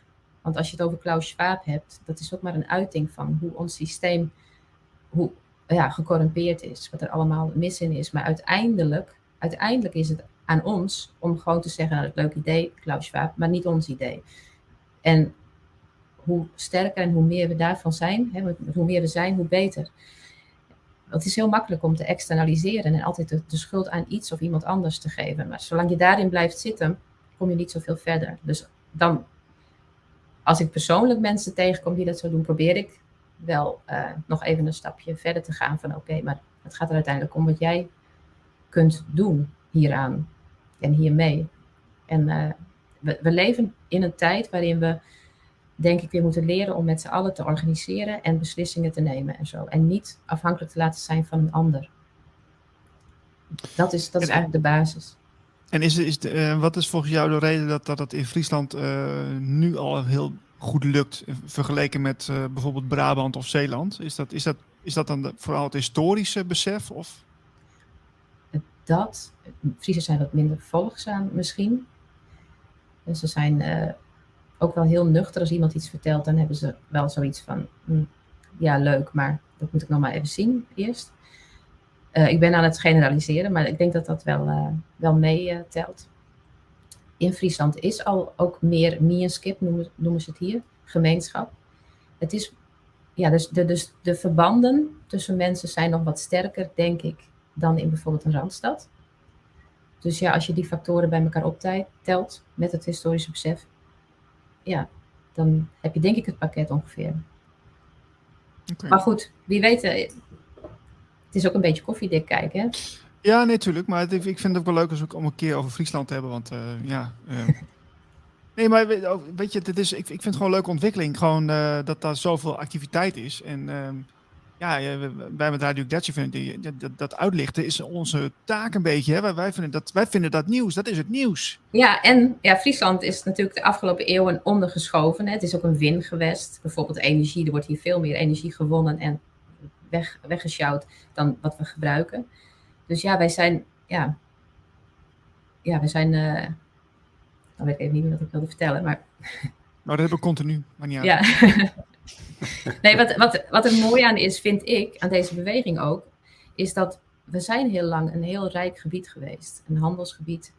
En de Friesen waren machtig en, en rijk en, uh, en hadden het goed. En er waren niet echt heel veel grote verschillen in de samenleving van extreem rijk en extreem armen enzovoort. En we zijn daarna een wingewest geworden. Friesland is in Nederland natuurlijk ja, een beetje een, beetje ondergeschoven uh, provincie, denk ik. En dat is natuurlijk nu wel mooi dat, uh, dat we nu lekker bezig zijn en uh, ons weer op de kaart kunnen zetten. Ik denk dat dat wel een, een goede is. Ja, heb jij, jij mensen... oh. heb jij rituelen, Pie? Want je, je, je komt heel erg rustig over. Je, dus eh, is, er een, is er een meditatie-ritueel elke dag? Of, uh... um, ik heb natuurlijk heel veel gedaan, uh, mediteren. Ik heb ook heel veel rituelen meegedaan met solstices en zo. Maar de, laatste tijd, nee, voor mij is het, eigenlijk is het hele leven een meditatie. Denk ik. Elk moment is een meditatie. En als je dan inderdaad rustig en gecentreerd kunt blijven, wat er ook op je afkomt. Daar gaat het uiteindelijk om. Hoe reageren wij op wat er op ons afkomt? Dus uh, ik gebruik nu, ja, heel af en toe mediteer ik wel. Maar wat voor mij het, het allerprettigste is om regelmatig te doen, is piano spelen, liedjes schrijven, dat soort zaken. Dus ik zoek ja, meer in de muziek. Dat je, ja, jij hebt mij verteld dat jij uh, een, een, ja, toch een, talent hebt voor muziek maken, muziek spelen. Ja. Gaan, gaan we daar nog iets van horen binnenkort? Ik, zou leuk zijn. Nou, weet je wat het grappige is? Ik heb ooit als, als klein kind ben begonnen met schrijven. En dat ging over wat we nu aan het doen zijn, over deze tijd. En ik heb mijn liedjes altijd gebruikt om die connectie te houden, zeg maar. En ook de teksten. Uh, ja, dat is voor mij altijd het belangrijkste geweest in de muziek. Niet om per se anderen te laten horen van kijk, wat heb ik nou gedaan. Maar ik moet zeggen, de laatste tijd denk ik wel na, er liggen zo'n 50 nummers klaar of zo. Maar ik zou, wel, ik zou het wel heel leuk vinden in deze tijd om een aantal van die nummers echt goed te gaan opnemen. en uit te brengen. In het Fries? Nou ja, dat is wel leuk. Nee, het is allemaal Engels. Maar inderdaad, van een paar nummers overweeg ik om, uh, om Friese teksten te maken. Gaaf. Dan kun je een, een teamsong maken voor Free Friesland. Ja. Bijvoorbeeld. Ja. Bijvoorbeeld, ja. ja. Leuk. Um, Ja. ja. even kijken. Wat hebben we verder nog? We hebben, ehm, ja, dus volgend jaar een aantal activiteiten. Jullie hebben ook een nieuwsbrief, hè? Die komt eh, een beetje onregelmatig, maar eens in de twee, drie weken ongeveer uit. Eh, we hebben inmiddels ook nieuwsbrieven trouwens van, eh, van verschillende onderwerpen. Dus als je het over gezondheidszorg hebt of autonoom leven en wonen, wat een beetje ecodorp-achtige kant op gaat. Die hebben inmiddels ook eigen nieuwsbrieven, maar de algemene nieuwsbrief eh, kun je gewoon voor aanmelden via onze site. En die doen we eens in een paar weken de deur uit. Ja. En daar houden we mensen op de hoogte van wat er speelt, maar ook bijvoorbeeld als, er, als er mensen gevraagd worden of nieuwe groepen opstarten, hoe kun je aanhaken. Dat soort dingen worden daar ook in gepubliceerd. En dat is alleen in, eh, binnen Friesland? Of, uh... Nee hoor, er zit, uh, dat zit, iedereen is daar lid van uh, die, die wil. Dus heel, heel veel mensen uit Nederland. Ja, toen de andere krant uitkwam, toen zijn er heel veel andere leden bijgekomen van buiten Friesland. En we hebben ook in de coöperatie inmiddels leden van buiten Friesland. En ook soms net over de grens, dan kunnen ze nog wel makkelijk aan werkgroepen meedoen. Maar ook mensen die zeggen, nou, wij, wij ondersteunen dit, we willen dit meemaken. Um, we doen een betaald lidmaatschap en we gaan de bijeenkomsten bijwonen enzovoort. We hebben vier keer per jaar grote bijeenkomsten, sowieso voor leden. Dus uh, ja, het lidmaatschap gaat zelfs de grens over uh, inmiddels. Zo, oké. Okay. Als ik nou zo'n uh, mensen die nou kijken naar deze uitzending, die willen ook een Freeling. Hoe, hoe, hoe kunnen ze daar aankomen? Ja, die kan je kopen op de website freeling.frl. Kijk, ja. dat, is, dat is goed te weten. Ja, right. zij zijn voor iedereen te koop. Leuk. Uh, Pie, ik wil heel erg danken voor, uh, voor je tijd. Ja, jullie ook bedankt. En uh, wie weet spreken we elkaar weer in de toekomst. En waarschijnlijk wel een keer volgend jaar op een of ander festival. Of anders maar in de wandelgangen. Ja, dat komt goed. Tot snel. Gaan we doen. Oké, okay, dankjewel hè. Hoi. Hoi, hoi. Doei. Ja, dat is Pie van Vrij Friesland. wij zitten alweer bijna aan het einde van de uitzending. We hebben natuurlijk uh, ja, de belangrijkste dingen hebben bewaard voor het laatst. Dus het is gewoon uh, wat we altijd gewoon doen. Wat jullie al weten, wat we gaan doen. Dus dat gaan we nu doen. Ja, zo ongeveer. Uh, ja, we hebben natuurlijk een fantastische podcast-serie op Spotify. Rumble zitten we op. als je ons tof vindt, we zouden het heel fijn vinden als jullie af en toe ons steunen. Dat kan via een donatie, eenmalige donatie of een donateurschap. Uh, dat kun je allemaal vinden op de website radioglacier.nl. En dan kun je mij steunen of je kunt uh, Marlijn steunen. Um, of je kunt gewoon uh, een van de andere podcastmakers steunen op onze website. Um, en volg ons natuurlijk op, ons, op onze kanalen. YouTube hebben we aardig wat abonnees. En we zitten ook op Twitter, Facebook en... Um, vergeet ik nog iets? Nee, hè? Nee, het beste wat je kunt doen om ons te steunen is om zoveel mogelijk uh, wat wij doen te delen. Want we hebben geen marketingafdeling, dus. Uh, ook dat ja. ja Instagram moet een beetje organisch ontstaan. Ja. En Instagram. En we hebben ook een hele toffe nieuwsbrief. Uh, zodat je elke week op de hoogte bent van onze laatste ontwikkelingen. want misschien komen er weer nieuwe programma's aan. Dat zou zomaar kunnen volgend jaar. Ja, dat, dat gebeurt van alles hier. um, dus houd het in de gaten en Volgende week zijn we er weer met een nieuwe uitzending. En dank voor het kijken. Tot later. Tot later. Nou, donateur. de donateurs. Even, even een uh, mededeling voor de donateurs. Want die kijken live mee of niet, of achteraf. Maar volgende week, 6 december, zijn we er niet. In plaats daarvan zijn we er 2 december. Dus we zijn er vrijdag alweer. En dan zijn we er van 10 tot 12 s ochtends.